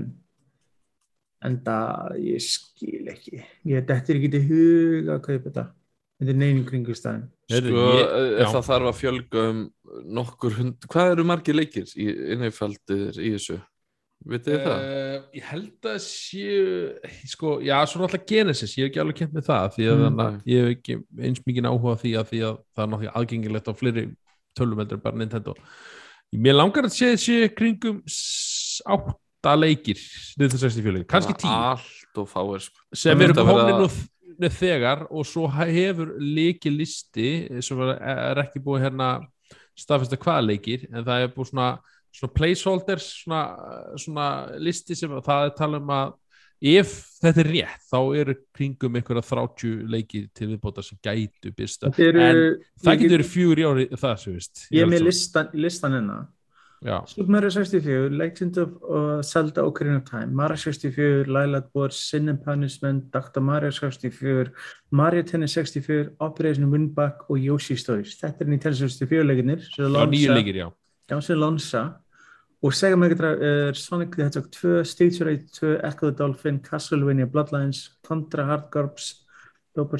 Dr. Robotnik, Mean Bean Machine, þetta er náttúrulega. Golden Axe, Gunstar Heroes, Musha, Fantasy Star 4, Rise Star, Shining Force, Snoopy 3 og Strider. Og síðan eru aðrir titlar flokkaði sem Upcoming. Og hvað, hérna, hvað, verðmiðin var aftur hvað? Það var eitthvað, ég man bara 50 dólar yfir árið 5, 10 og 9, Þetta er bara 99. algjör vittleysa Er fyrir það svona 60, var það ekki 50? Já, sko, byrju. Sko, er, er, þau myndu alveg hafa mig þau myndu segja þú veist, við settum allt Nintendo 64 libraryð bara inn, Ah, það er aldrei að gerast nei ég veit það en þá var ég bara, Ef, wow, ef þetta er spennandi bara. en fyrir eitthvað, Gamecube hérna eru, Dóti. þú veist, Ríkorn og Milsnur sleikt á lóunum mínum, bara Aha. hérna og borgaði 50 dólara, bara nei, bara Selda er ekki ríkor og minnsla við Nei Mhm. þetta er, þetta er eiginlega bara dónalega þetta hvert eru neytendum sko, 50 þetta er bara dollarar þar 65 kanadi, eh, 64 kanadíski dólarar en já, þetta er, þetta er 50 dólarar þetta er 79, 99 auðvelur family plan eða svoleiðis. en já, þetta er 50 dólarar og mínum að þetta er ekki, þú veist bara að kaupa sér hérna þetta er 35 pund. Kaupa sér Raspberry Pi og setja upp Já. Retro Pi. Er þetta bara, þetta er absurd sko, ég meina, sko, ég, Nintendo hefur lengi verið út tengslum með raunveruleikanum það kemur á neti og öðru og þetta er enn eitt dæmi um hvað þeir eru clueless finnst mér um það, en þú sér það það eru 17.000 sem like þetta vídeo og það eru 104.000 sem dislike Mér finnst NES Mini og allt þetta miklu sniður í hugmynd vegna þess að þú frekar. bæði með leiki sem þú átt bara, þú veist, í vélinni og svo Mhm. þó þú viljir ekki spila leikina þá er flott að hafa hann upp á sem bara skraut eða eitthvað svona já, eða samgripur eða eitthvað Þetta bara- er svona, þú veist, þú átt þetta ekki og það er rosa fáir leikir í bóði og svona, Það er bara veist. sjáðu hvað eru að gera með online dótið. Ég meina, þú gast fyrirgefið online dótið því á Nintendo vegna þess að þetta var ódýrst. Þú veist, að- þú veist, þeir læstu cloud saves og þetta dót aftan við þetta payment dót en þú gast leftið minnst þú 20 dólar ári og eh, það er þetta liða með því, skilur. Og ég gratísfist einhverja nokkra nes og snesleiki til að kíkja á. En meir en helming dýrara fyrir ekki megin helming gæði. Ég vildi sjá það komið sambarlega þjónust eins og Playstation með eða Xbox með fyrir þannig pening. Ef Mér það finnst- er í þennan verðramma þá vil, vil ég fá það sama og Nintendo er ekki að fara að gera það þá þau geta bara glemt því að ég láti það á peningana mína. Ég hérna, segi, ég er eh, rosalega heitur fyrir hana Ocarina of Time og, og Í ætla- hvaða útgáfu, ég meina hvað allar að spila en leika oft, þetta er eins og Skyrim bara, ég, ég, ég sagði nóg núna með Skyrim bara hingað ekki lengra, þetta er Já. fínt. Ég eins og segi, hérna að því mér langar að taka mitt streymi í sem ég Já, en þú hefur klálega enga aðra möguleika að spila en þannig hvað. Uh, ég á 3DS og þá þarf ég að retta sérstak capture card fyrir það uh, Mhm. og eitthvað svo leiðis og, og ég hefur að pælið í, ég nenn, langar ekki að spila ná svona litlum skjá 3DS og, og, og með litla Mm. hérna höndur hana, og svo líka þetta Ég er bara OG, spila hann á 64. Já, svona, ha, Spila hann bara OG og spila hann á 1964. já, ef ég ætti hana til þá hana og eitthvað svona myndi ég fyrir þennan pening getur nú örugglega bara keftir uh, Uh, já, þú getur fundið eintak af leiknum og vél þá ágætis áttu þetta bara sko. Já, ég reynda að reynda að búið að gefa mér á á okkur time. Ég ætla hana Nú, ég ætla- Það er miklu að að þetta að ramma hann upp sko. ha. Já, en eins og segi, þetta er, þetta er ég hugsa, ég, ég ætla að kannski taka einn einn mánu, maður myndi gera það og til að prófa hérna þessa leiki. Svo hugsa ég, ef ég tek tvo mánu eða þrjá, þá er maður kannski búin að borga allt árið fyrir hérna hitt, þannig að ég ætla uh, fyrir svona sakir leikjavarpsins að taka eitt ár Alltaf fórna, alltaf kasta handsprengina Það er rétt. fyrir svo rukka ég, bjarga fyrir hérna, fóðum hérna mynd eftir, mynd eftir verðu með án vasks, það er mjög mikilvægt. En svo á maður að astnast að því. Ég langar að, að prófa eitt ár og svo eins og segja þetta- að, gleymur að hætta á skrittinu þegar græður vegna þess að þú gleymur Já, að segi, ef ég er ekkert að spila þetta eitt að viti eftir ár og er ekkert koma svona leiki sem ég eitthvað líst þannig á þá hefur mitt þannig mun ég bara einfallega bara segja upp áskrifin þá og nema þá að ég mun hugsa bara að þetta er svo lítið maður 50, já, ég, veit það, ég finn ekki fyrir sálega, nei. En- Aha. hvað er þetta mörg ári í þú veist Game Pass eða eitthvað, þú veist hvað nákvæmlega. Game Pass er svo, þetta er svo Þetta er svo, að mér finnst þetta að vera bara í hver skipti sem við erum að ræða um Nintendo, þetta sé bara nákvæmlega sama dæmi, þetta er bara En Ég var að downloada bla bla, kannski- efni, setjið efni hérna inn, það er of dýrt Já, ég var að, þú veist, ég var að setja inn sko, ég var að downloada Forgotten City, ég var að downloada uh, Humankind, ég er að downloada Age of Empires 4, mm alltaf Game Pass, ég meina, ég er náttúrulega, ég fór miklu við meir erum úr náttúrulega þessu. verið að bera saman eplu og appelsínur því að hitti náttúrulega bara segið, þeir hefur þeir- Nintendo hefur þann hvað segir maður, uh, möguleika því þetta er bara aðgengilegt á Nintendo þar að segja Já, þarna en þú veist. Já, en þá líka halda þér þessu einu En- en- konar en- áfram en- með en- þessa ruggli. en þú veist, epli og appisínur eru appelsínur. eru ávextir, þetta er bæði ávextir en þetta eru bæði tölvuleikir þannig að Mhm. við getum allavega, þú veist það er að bera það saman einhvern veginn og það væri svona pínu hvort má bjóða þér epli sem að þú ert komið gett leið á og kostar hérna 100 kall kíló eða eitthvað eða má bjóða þér appelsínur á 6000 krónur grammið? Já, það er þú ert bara svona, herðu, er ég ætla ekki að bara- borða appelsínur núna. En svo hérna eru- þú veist, saman og þetta eru appelsínur sem er svo góða sem bara fá alveg Serbíu og það er búin að flytja það Nei, ég veist, sko, ég er bara, ég er bara döfður því að Já, við en, erum að tala sko um saman máli águstin en, en við erum að tala um þessi tegundar águstin bara, ok, má, hættum við svo águst að tala ég er ég er bara, hvert er ég að fara þetta? Serbleskar appelsínur. Takk eftir það, það eru geggjaðar. Ég er eitthvað reyfið smakka en en eins og ég segi, ég, er eins og segi, ég, ok ég er ekki, ég get alveg sagt ykkur það ég er ekki talsmæður þennan pakka, pakka og ég ætla ekki að þennan gera rá- hann ráð fyrir að fleiri hérna detti í saman pakka og ég.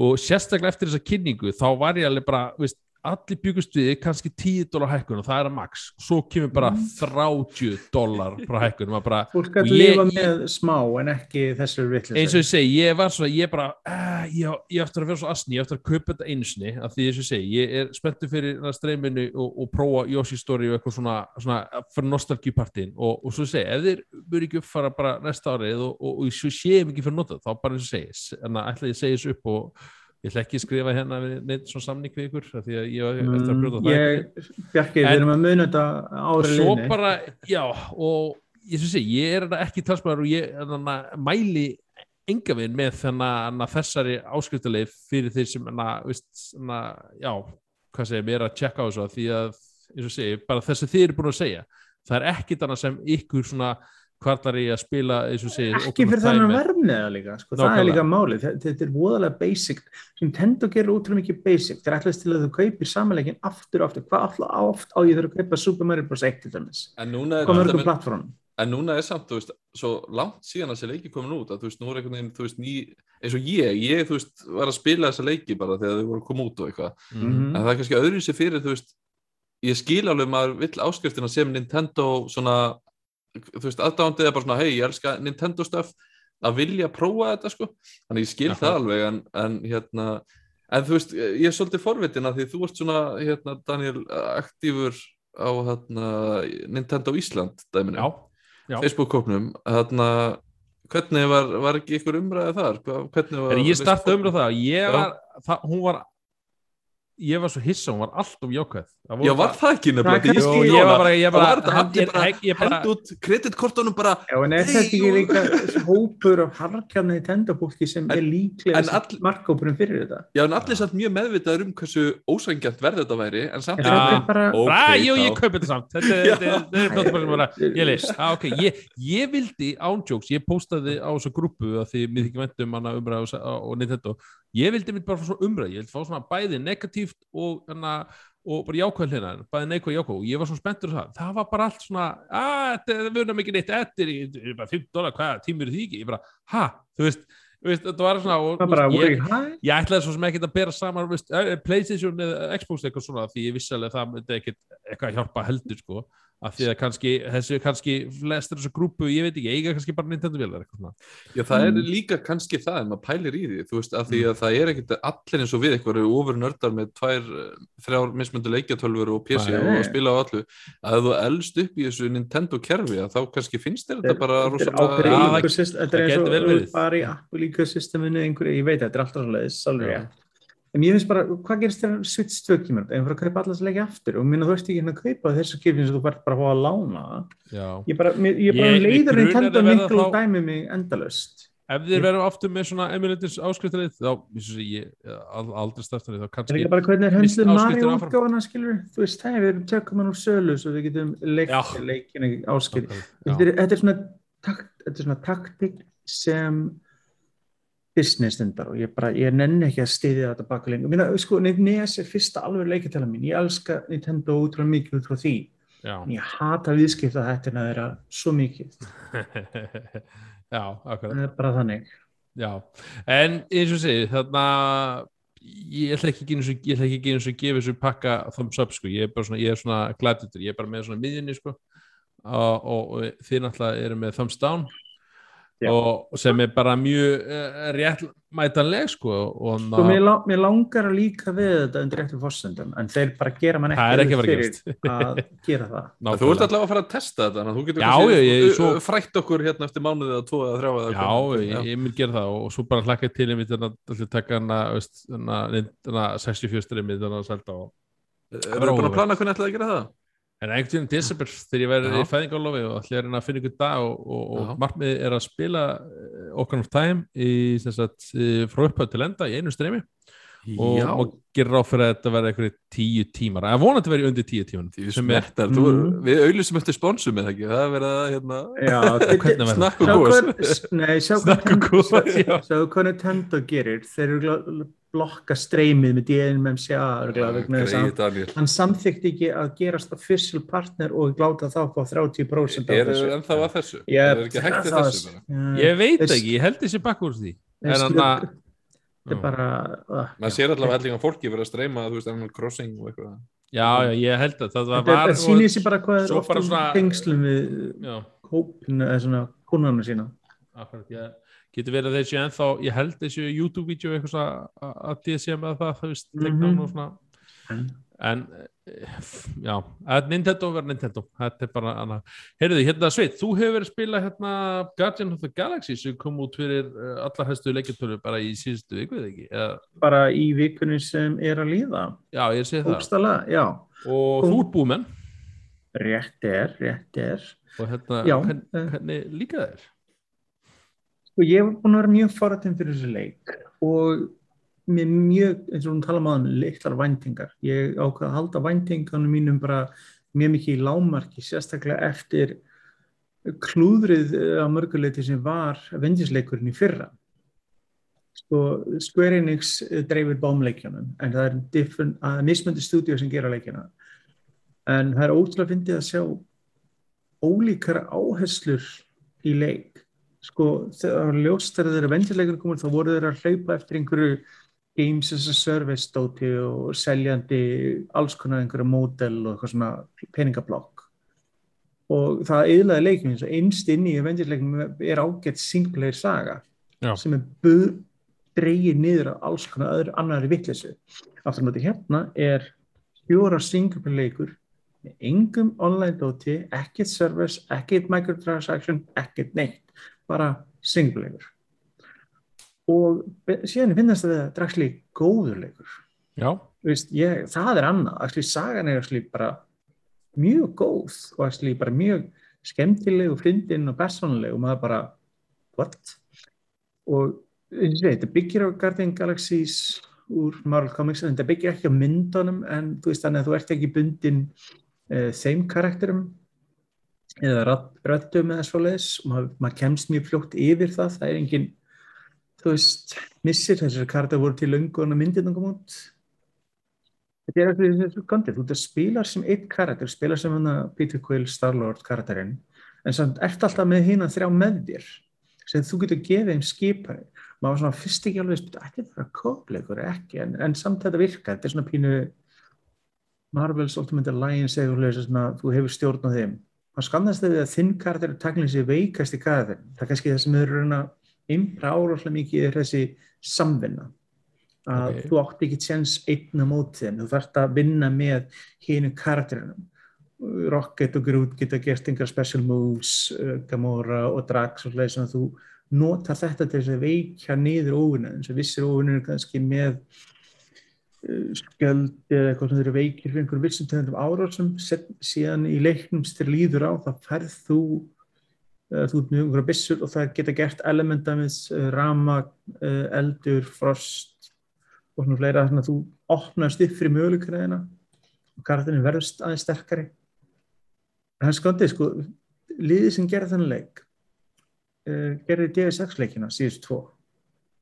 Er þetta svona, er svona bara þriði personu hasar leikur? þetta er þriði persónu hasleikur en samt það er alveg roleplay element í honum og, og það með þess að sko það er þess að þú, þú fær með þess að glefsu af svona telteleikjum það er þú veist, þú, þú tekur ákveðna ákveðin leiknum sem hafa af, afleggingar síðar og kemur svona þessi karakter mann eftir sko og gerði fyrir hann og það hefur áhrif á endurinn og veist, vissa viðbyrði en það er skondið að sjá þetta þú getur, svona hefur ákveðna valkosti. Veit ekki eitthvað hvað djúpt þetta er. Maður hörta að er gaman að sjá svona hefur vart aðsóli gegnum alla leikinn skilur hvernig það myndi gerast. Ég er ekki viss með þetta að fara út í þann pakka alveg en þú hefur samt svona smá svona nálgun að spila kartarinn pínu eftir þínu einu höfði sem er svolítið skemmtilegt. Mhm. og ég, ég spilaði ekki leikinn á bæði pleysin 4 og pleysin 5 og keirir hann bara mjög vel að báðan og hann lítur rosalega vel út. Bara ég var allan tíma þegar ég var að spila hann bara þessi leikur er ekki sagt hvað er að gerast? Þessi leikur, ég var svo viss um að þessi leikur er bara hlúður hann nei. leit vel út bara trailerum og svona þegar það var sýntur ég var mest, ég var mest eh, svona forvittnast með gameplay ég var ekki alveg Já. viss með gameplay og það, það skondast að við hennar leikir ég, ég veit ekki hvað að segja veikasti hlekkurinn hans so to speak er sund af gameplayin, svona combat partarnir það getur verið svona stundum allt rosalega eins eftir smá tíma þú veist, segja þessum að rásta þennan, þennan, þennan þú var flashy en að ég veit ekki, þetta er svona þetta er samt svona pínu nitpick sko En þetta er ekkert- þetta er ekkert illa gert, þetta er kannski bara einheft, ég held að það er það sem er rétt að segja. En þetta er kannski eftir smá tíma ertu búin að sjá allt þetta helsta í barndónum.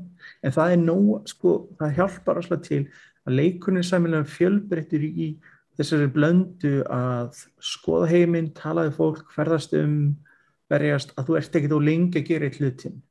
En kannski einhverju War Combat uh, respu þar sem þú fer ekki nokkuð herbyggja og bestu fulltáunum, sem kemur kannski einhver exploration kapli, einhver sögukapli, kemur einhver flott set písa sem er alltaf verið fjandans og að hlaupa undan sprengingum, þannig að þú fær svona sæmilega drjú og fjölbreytni. Þeir eru uh, klefur í því að dreifa veist, þessu sæmilega mikið. Þetta er, þannig að engin kapli verði of lengi til þess að verða of þreyttur einhvern veginn Já, ok.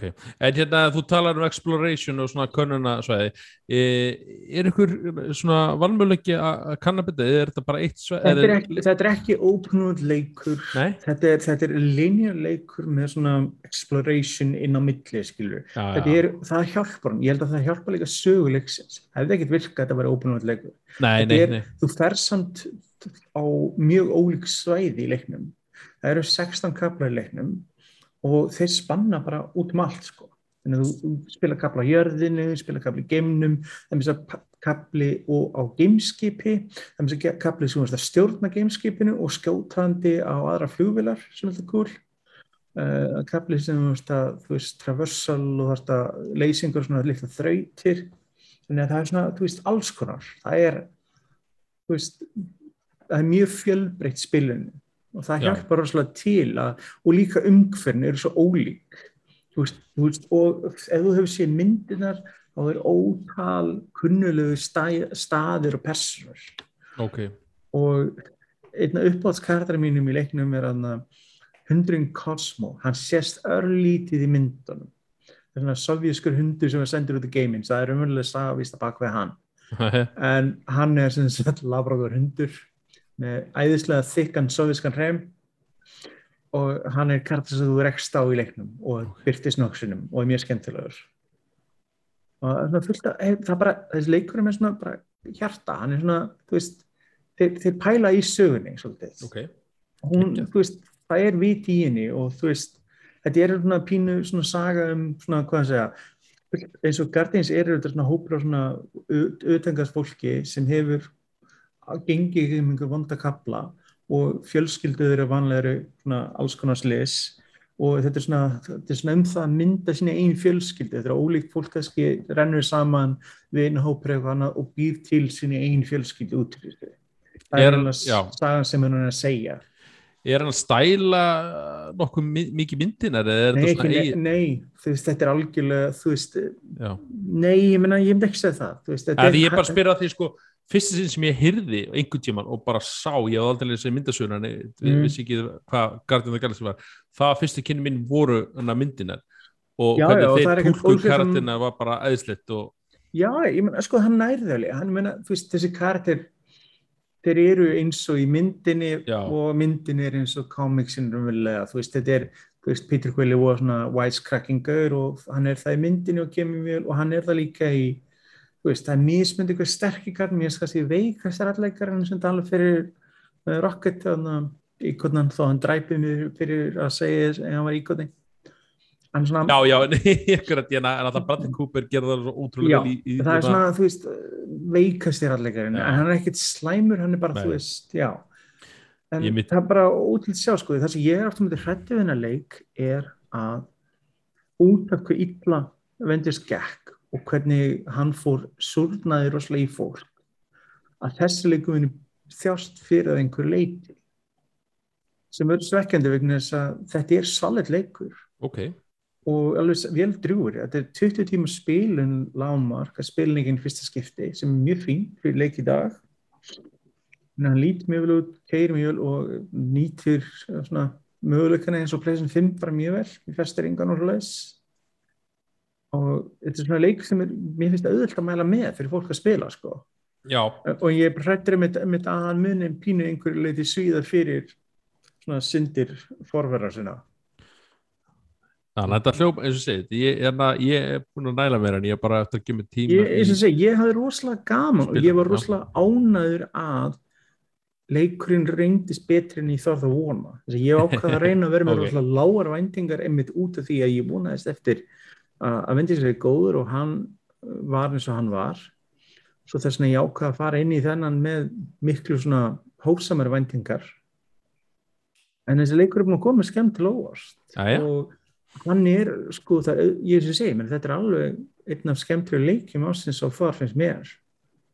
Það er reyndar ekki búið að vera frábært árið nei. þessi en samt, það er ekki en þetta er leikur sem ég myndi alltaf hygglust ef við hefði gaman af skemmtilegum singleplayer leikjum sögu, þá er alveg vel þess að vera að spila. Þetta er hvít action hasaleikur hann er alveg fjölskyldu hann er ekkert ljótur en uh, þú veist já, ég myndi heiklust gefa hann thumbs up. Ok, geggjað, ég hérna ég hlakka til að spila og, og ég, gaf hann að bera saman þegar þú voru að spila hann einmitt. Já, ég hérna eins og er rosa hrifin af personunum í hérna í hérna myndunum og, Mm. og einmitt þegar ég horfði á, á, á Taylorin þá fekk ég svolítið svona væp, ég þekki þessar personur Já, þú, þú, þekkir heiminn og síðan þú farður að slatta úr þessu þetta er meins að með dýpri köfun í heiminn. Þú farður svo fullt af meiri hlutum en þú hefur séð með þess að áður en þú ert að fá meiri upp í heiminn og söguna raunverulega, þú veist. Ef þú fílar heiminn þá græðir á því vegna þess að já, þeir, þeir sína meira en myndir getur gert eins að þeir eru veist, leikur ykkur sér 20 tíma en bíómyndir eins og þú segir, einn og hálfur, tveir tíma max Fæði maður líka þessa æðislegu tónlist sem var í, í bíómyndunum Það er sín annað. Það er þúndi, ég held að sé hryllingur aftur á móti að streyminaleik. Ég er búin að vera með pæla Já, í því. Þessi leikur er gangandi copyright strike. Já, við lettum nú í því hérna í Back 4 Blood Já, sem Já. var, fyndið, það er bara eitt lag. já, ok. En sko, the Galaxy leikurinn, ég ætla að það er mitt gott að myndist á það, vegna þess að sko, ég ætla að þetta draga einu soundtrackið. Sko, að verða að segja það, soundtrackið fyrir að leik er því betra sem ég séð lengi af, samansatna lögum. Sko, við erum að tala um það, bara þylja bennið nokkur af betri lögum leiksins. Það, finnum þetta hérna listan. Já, uh, auðvitað er Never Gonna Give You Up með Rick Astley. Það er minnst að nota í leiknum og fyndin Mhm. hátt. Kickstart, my, Heart með Mötley Crüe, uh, Bonnie Tyler, Wham, Blue Cult. Þetta er þetta 80s þemað, og kannski það er svona höfða til mín, vegna þess að hann er þetta ólst upp í 80s Starlord og kemur í burtu. Hann er ekkert að fá nýja tónlistaði og Spotify í annari vetrabröð, sko. Að hann er pínu fastur í tímanum tónlistalega séð. Men þú ert með þetta Billy Idol, Bobby McFerrin, Don't Worry Be Happy, það er allir notað í leiknum alltaf góðan átt, Pat Benatar, Def Leppard, þú veist, Tears for Fears, New Kids on the Block, Samstæl. og svo finnir, síðan er líka með algjörlega original tónlist sem er samin í þessum stíl. Og það er hljómsveitin Starlord sem hann er með tók nafn sitt frá. Út með þess að skoða í herbyggjum ótrúlega flott dítalu plakut sem eru frá þessu tímabili og alls konar svona referensar í svona eldri hluti og hlæðis fullt að litlu svona easter eggs. En það heppilega er að það er stillingileiknum fyrir streaming. Til sem tekur í burtu alltaf einu gallin er að vissuleiti eða þegar þú ert að spila leikin er að sum lögur notuð í leiknum og í gameplayinu. Eða það tekið í burtu þá svona er það pínur svolítið astnald ef þú veist ekki hvað þú hlust eftir.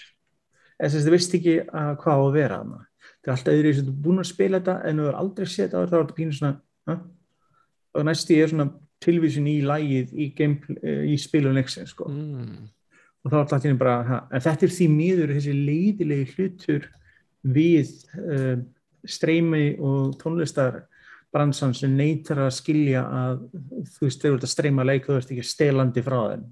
Þetta minnir mig bara á Napster og Metallica hérna back in the day sko. Þetta er bara svona, svona er þetta bara.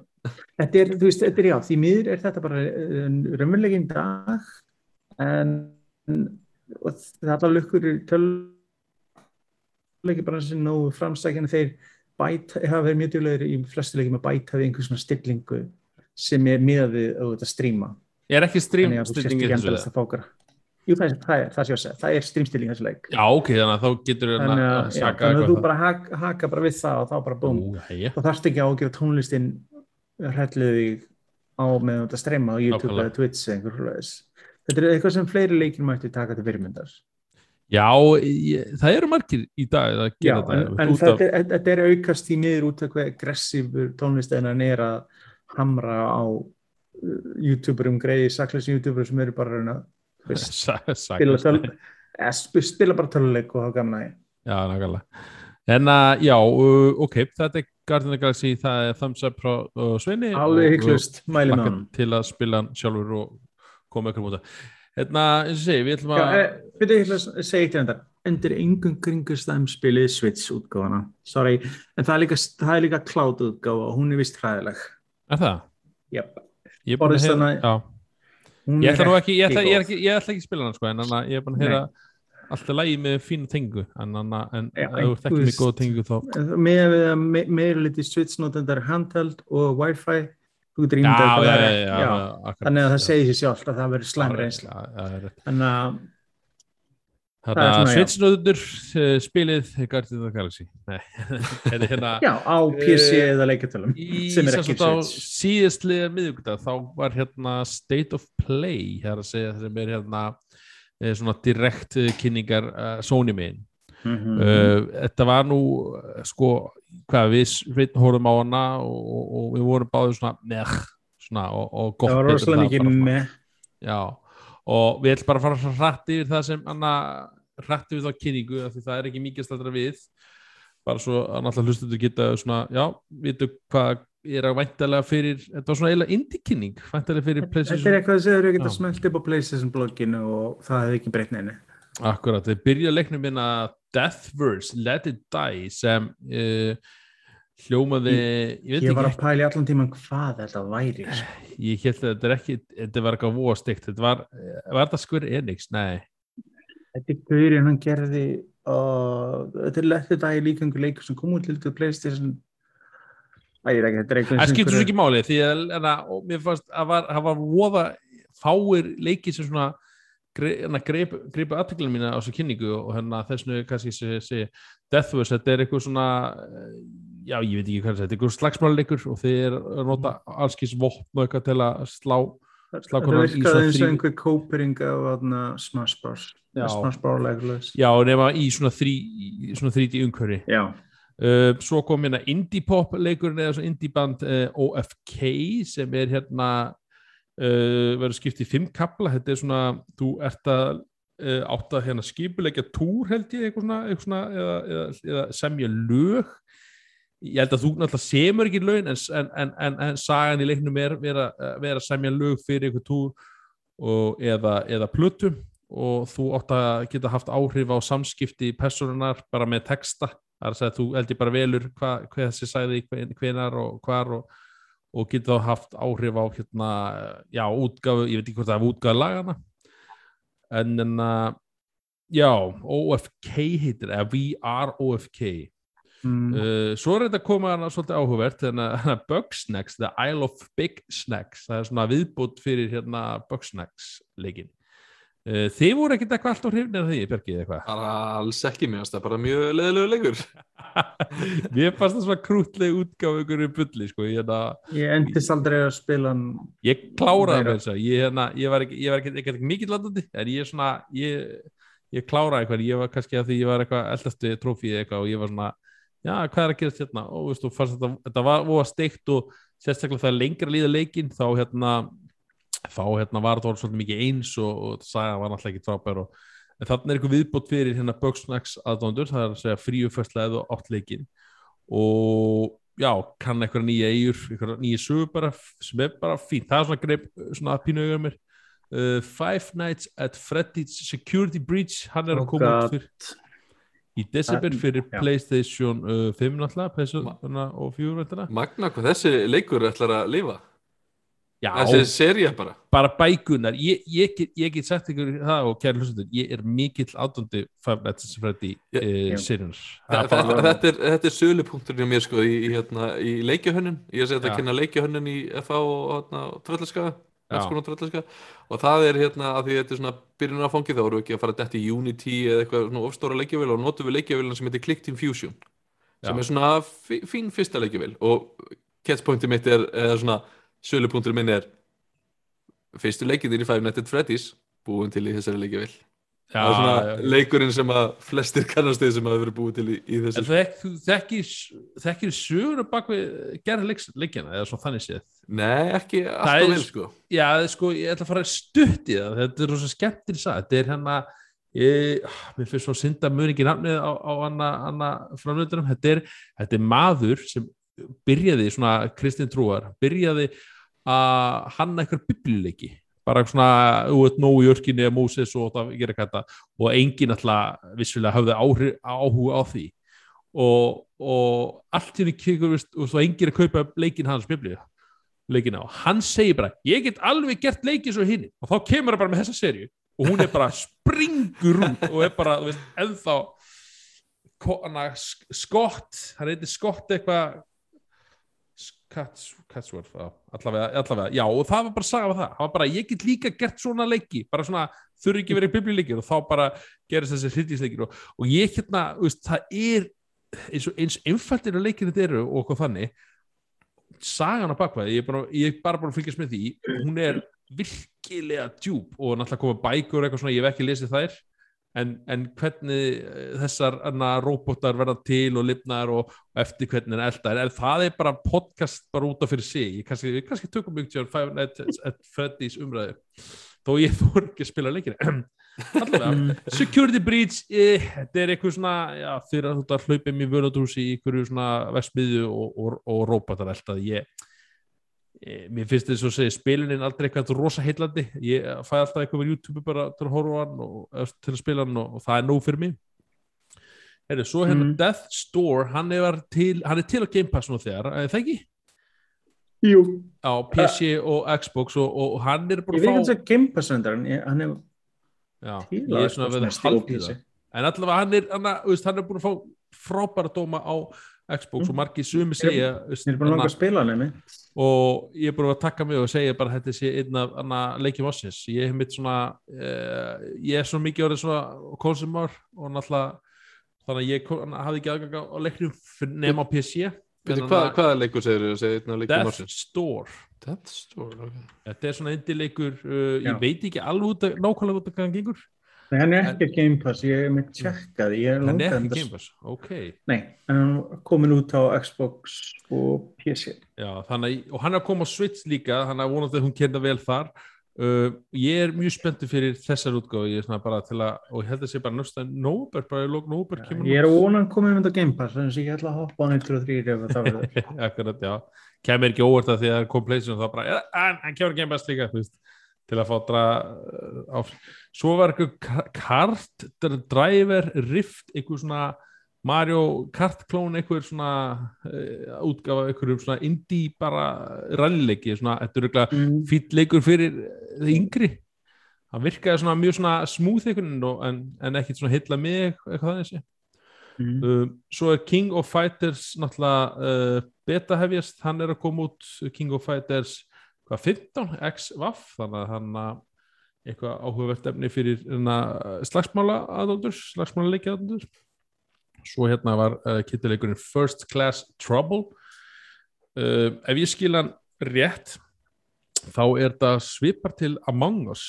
Þá er hérna uh, einhver hluti af spilurum eru sem sagt hérna eru hérna mennskir. Og, og, og aðrir eru róbótar í mennskum líka Já, þú veist, og, og þú átt að svona að fatta það.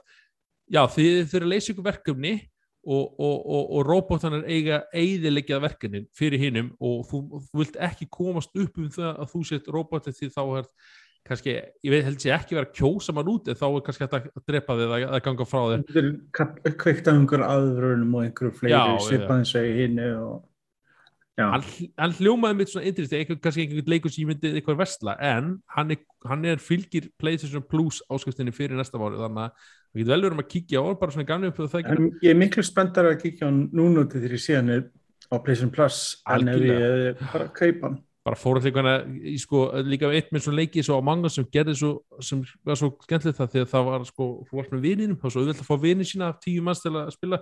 Ég veit ekki hvað það mikið af þessu en, en ég, ég sé mig ekki fyrir hérna herru, Blazers og kvöld einhver hérna hver ætlaði að spila? En hver veit, við mm. kíkjum kannski á hann það er aldrei við það. Uh, Star Ocean The Divine Force. Hann, hann er frá Square Enix. Ég, hérna, ég er ekkert inn í þeirri serju þannig að ég get ekki satt neitt mikið um, um, um þennan leik þannig sín, ef þetta var eitthvað svona fantasíu stórheimur og, og, og action RPG leikur, bara svona típist eitthvað Square Enix hann að koma á næsta ári fyrir PlayStation 5 og PlayStation 4 og svo hérna var síðust hérna en síðustur en ekki síðustur var hérna hvað er little hvað það, little hana Devil eitthvað, það ekki já, devil hana ó, ég er alveg tappa hana nafnið hérna Hvað segir, hvað er undirbúið næstu fyrir hennar þátt? Þetta þetta var þetta ekki engin svona final sprengja sem að var bara, wow, þetta er mest spennandi leikurinn. sko, Já, sko, hana, hana, já, hana Little The Devil Inside hérna, heitir það. Devil Inside eitthvað. Ég veit ekki um hvernig leikur þið er hann. Það- ég, sko- ég verða að veikina, ég er pín klúlaus. þegar þið kynntu PlayStation 5 þá kom kynning með hann Mm. og hann virkaði rosalega áhugaverð það var svona, það var svona, veist, það var svona indie-leikur, eitthvað svona skemmtileg artstíl og, og ég var eins og segja, ég var mjög spenntur fyrir hann að því liti og, og, og, en þarna fóruð svona nánar út í svona spilunina og hún var, hún var svona Það er eitthvað svona overhead, eitthvað svona sérst, kortið og eitthvað. Já, ég fannst það kannski svona þeir minn, minnar á svona bambúska fígurur sem lappar um eitthvað svona óvöld og svo ert komin að okkur stað inn í hús eða stað, þá hana, ferði inn í svona, þrí, svona 3D umhverfi svona, svona semi og, og átt að slást og, og, og finni all, alls skipt þrautir og, og ég, ég er rosa forvitin að það hvernig leik af því sko fyrst þegar ég var kynnt þá var mjög hæpaður bara svona þetta er eitt af þessum leikjum eins og Kína þegar hann var kynntur og þegar PlayStation 5 var kynnt þá var svona, mm. wow, þetta lítið geggja vel út og, hann virtist einmitt verða þannig en núna svona eftir þetta var ég bara já, ok, kannski ekki alveg eins og ég hafði ímyndið mér en, en, en eins og segi ef, ef þetta gengur vel og, og keiri og, svona, og, og keiri smúð þá kannski hann að á þetta bara eftir að vera Little Devil Inside Þetta er- er það sem ég myndi segja næst ég var Game Pass. Ég bara, já. Little Devil Inside. E, það kemur ekki óvart það kemur, en samt svona, já, það er aldrei að vita. En, eins og segi, þetta er, þetta er svona ég þekki ekki til hérna uh, Studios en anna uh, þess að segja framleitura en lítið vel út og, og jú, jú, ég er ennþá fóröldin og hann held ég, ég kom ekkert úrgátt að neitt, þetta er svona, þetta er einmitt svona veist, að því hann er búin að fá þessi mikla aðtekli sem sem er frábært fyrir það fyrir því, þá gaman- vilja þið bara svona fá- þá vil ég bara svona gera þetta alveg fullkom að kemur út sem er bara, já, sem er bara mjög kveitjandi og, og, og vonandi geta náttúrulega bara fengi áframöldi fjármar fyrir það og bara. Mm. uh, þetta var svona kynningin helsinni, ég var svona ég veit ekki, ég bjóst við með og fekk með og ég var svona viðst, það, það var, Ég var ánast að vera einn hlutur, það var máli. Ég, var, ég, hefði, ég hefði gefið þessu blues ef það eru ein kynning sem hefði verið svona, ó, ah, ok. já, já, akkurat, ég var svona eins og ég hafði ynga vendingar og það var svona og, ég, og maður fekk ekki til staðin hann að uh, var eitthvað sem heitlaði því þú kostir, er að bjarki í kynningunni það? Og ég þetta var bara hérna, horfði ekki á hana í uh, live og Nei. heyrði ykkur vera dæsa til skiptist og hérna, Facebook Messenger þannig að ég sagði bara ok, ég ætla ekki eins og að tekka á sig sko. en svona, eftir að þið eru að tala um þetta þá þú veist, uh, finnst mér þetta hljóma fyrir ykkar svona óspennandi en bara ég meina þetta eru leikir sem eru að koma út og ég meina það er ekkert alltaf spennandi það er ekkert gaman að það er alltaf jólin sko þannig að- þetta er hljóma bara pínu svona eins og svona, já, eitthvað normal kynum, ég veist, hérna það er ekkert eitthvað eitt sem er að sem ég er spenntur fyrir hérna ég veit ekki alveg svo er nei, nei.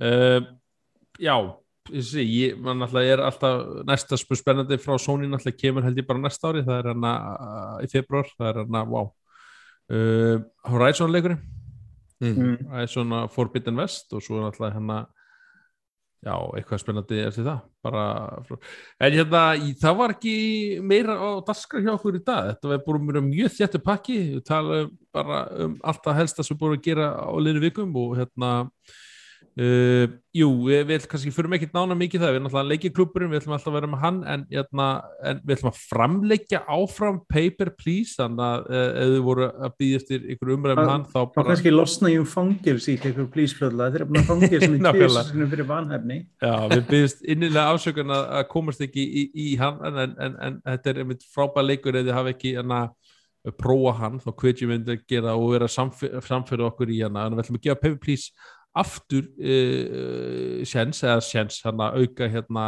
spilun og, og bara hérna og ræðum bara um hann í næsta, næsta uh, leikjavarpstætti en uh, er eitthvað sem þið vilja bæta við? þetta er bara komið mjög flott held ég. Ég held það.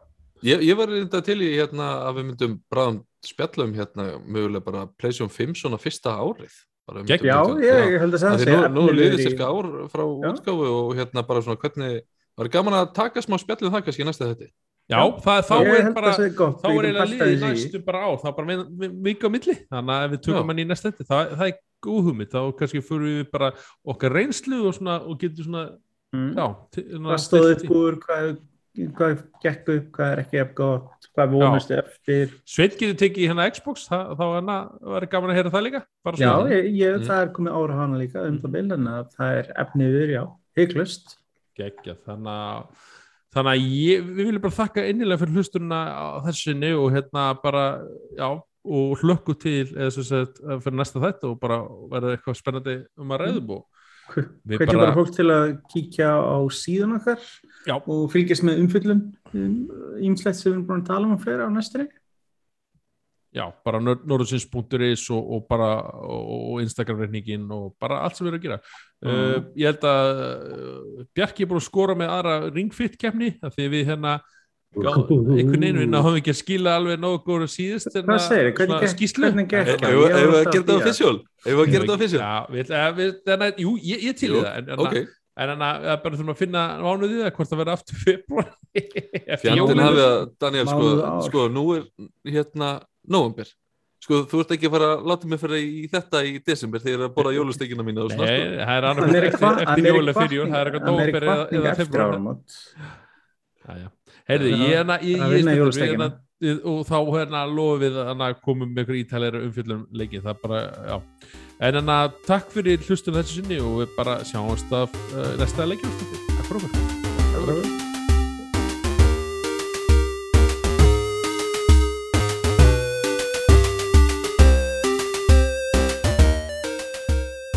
Blooper Green Tveir og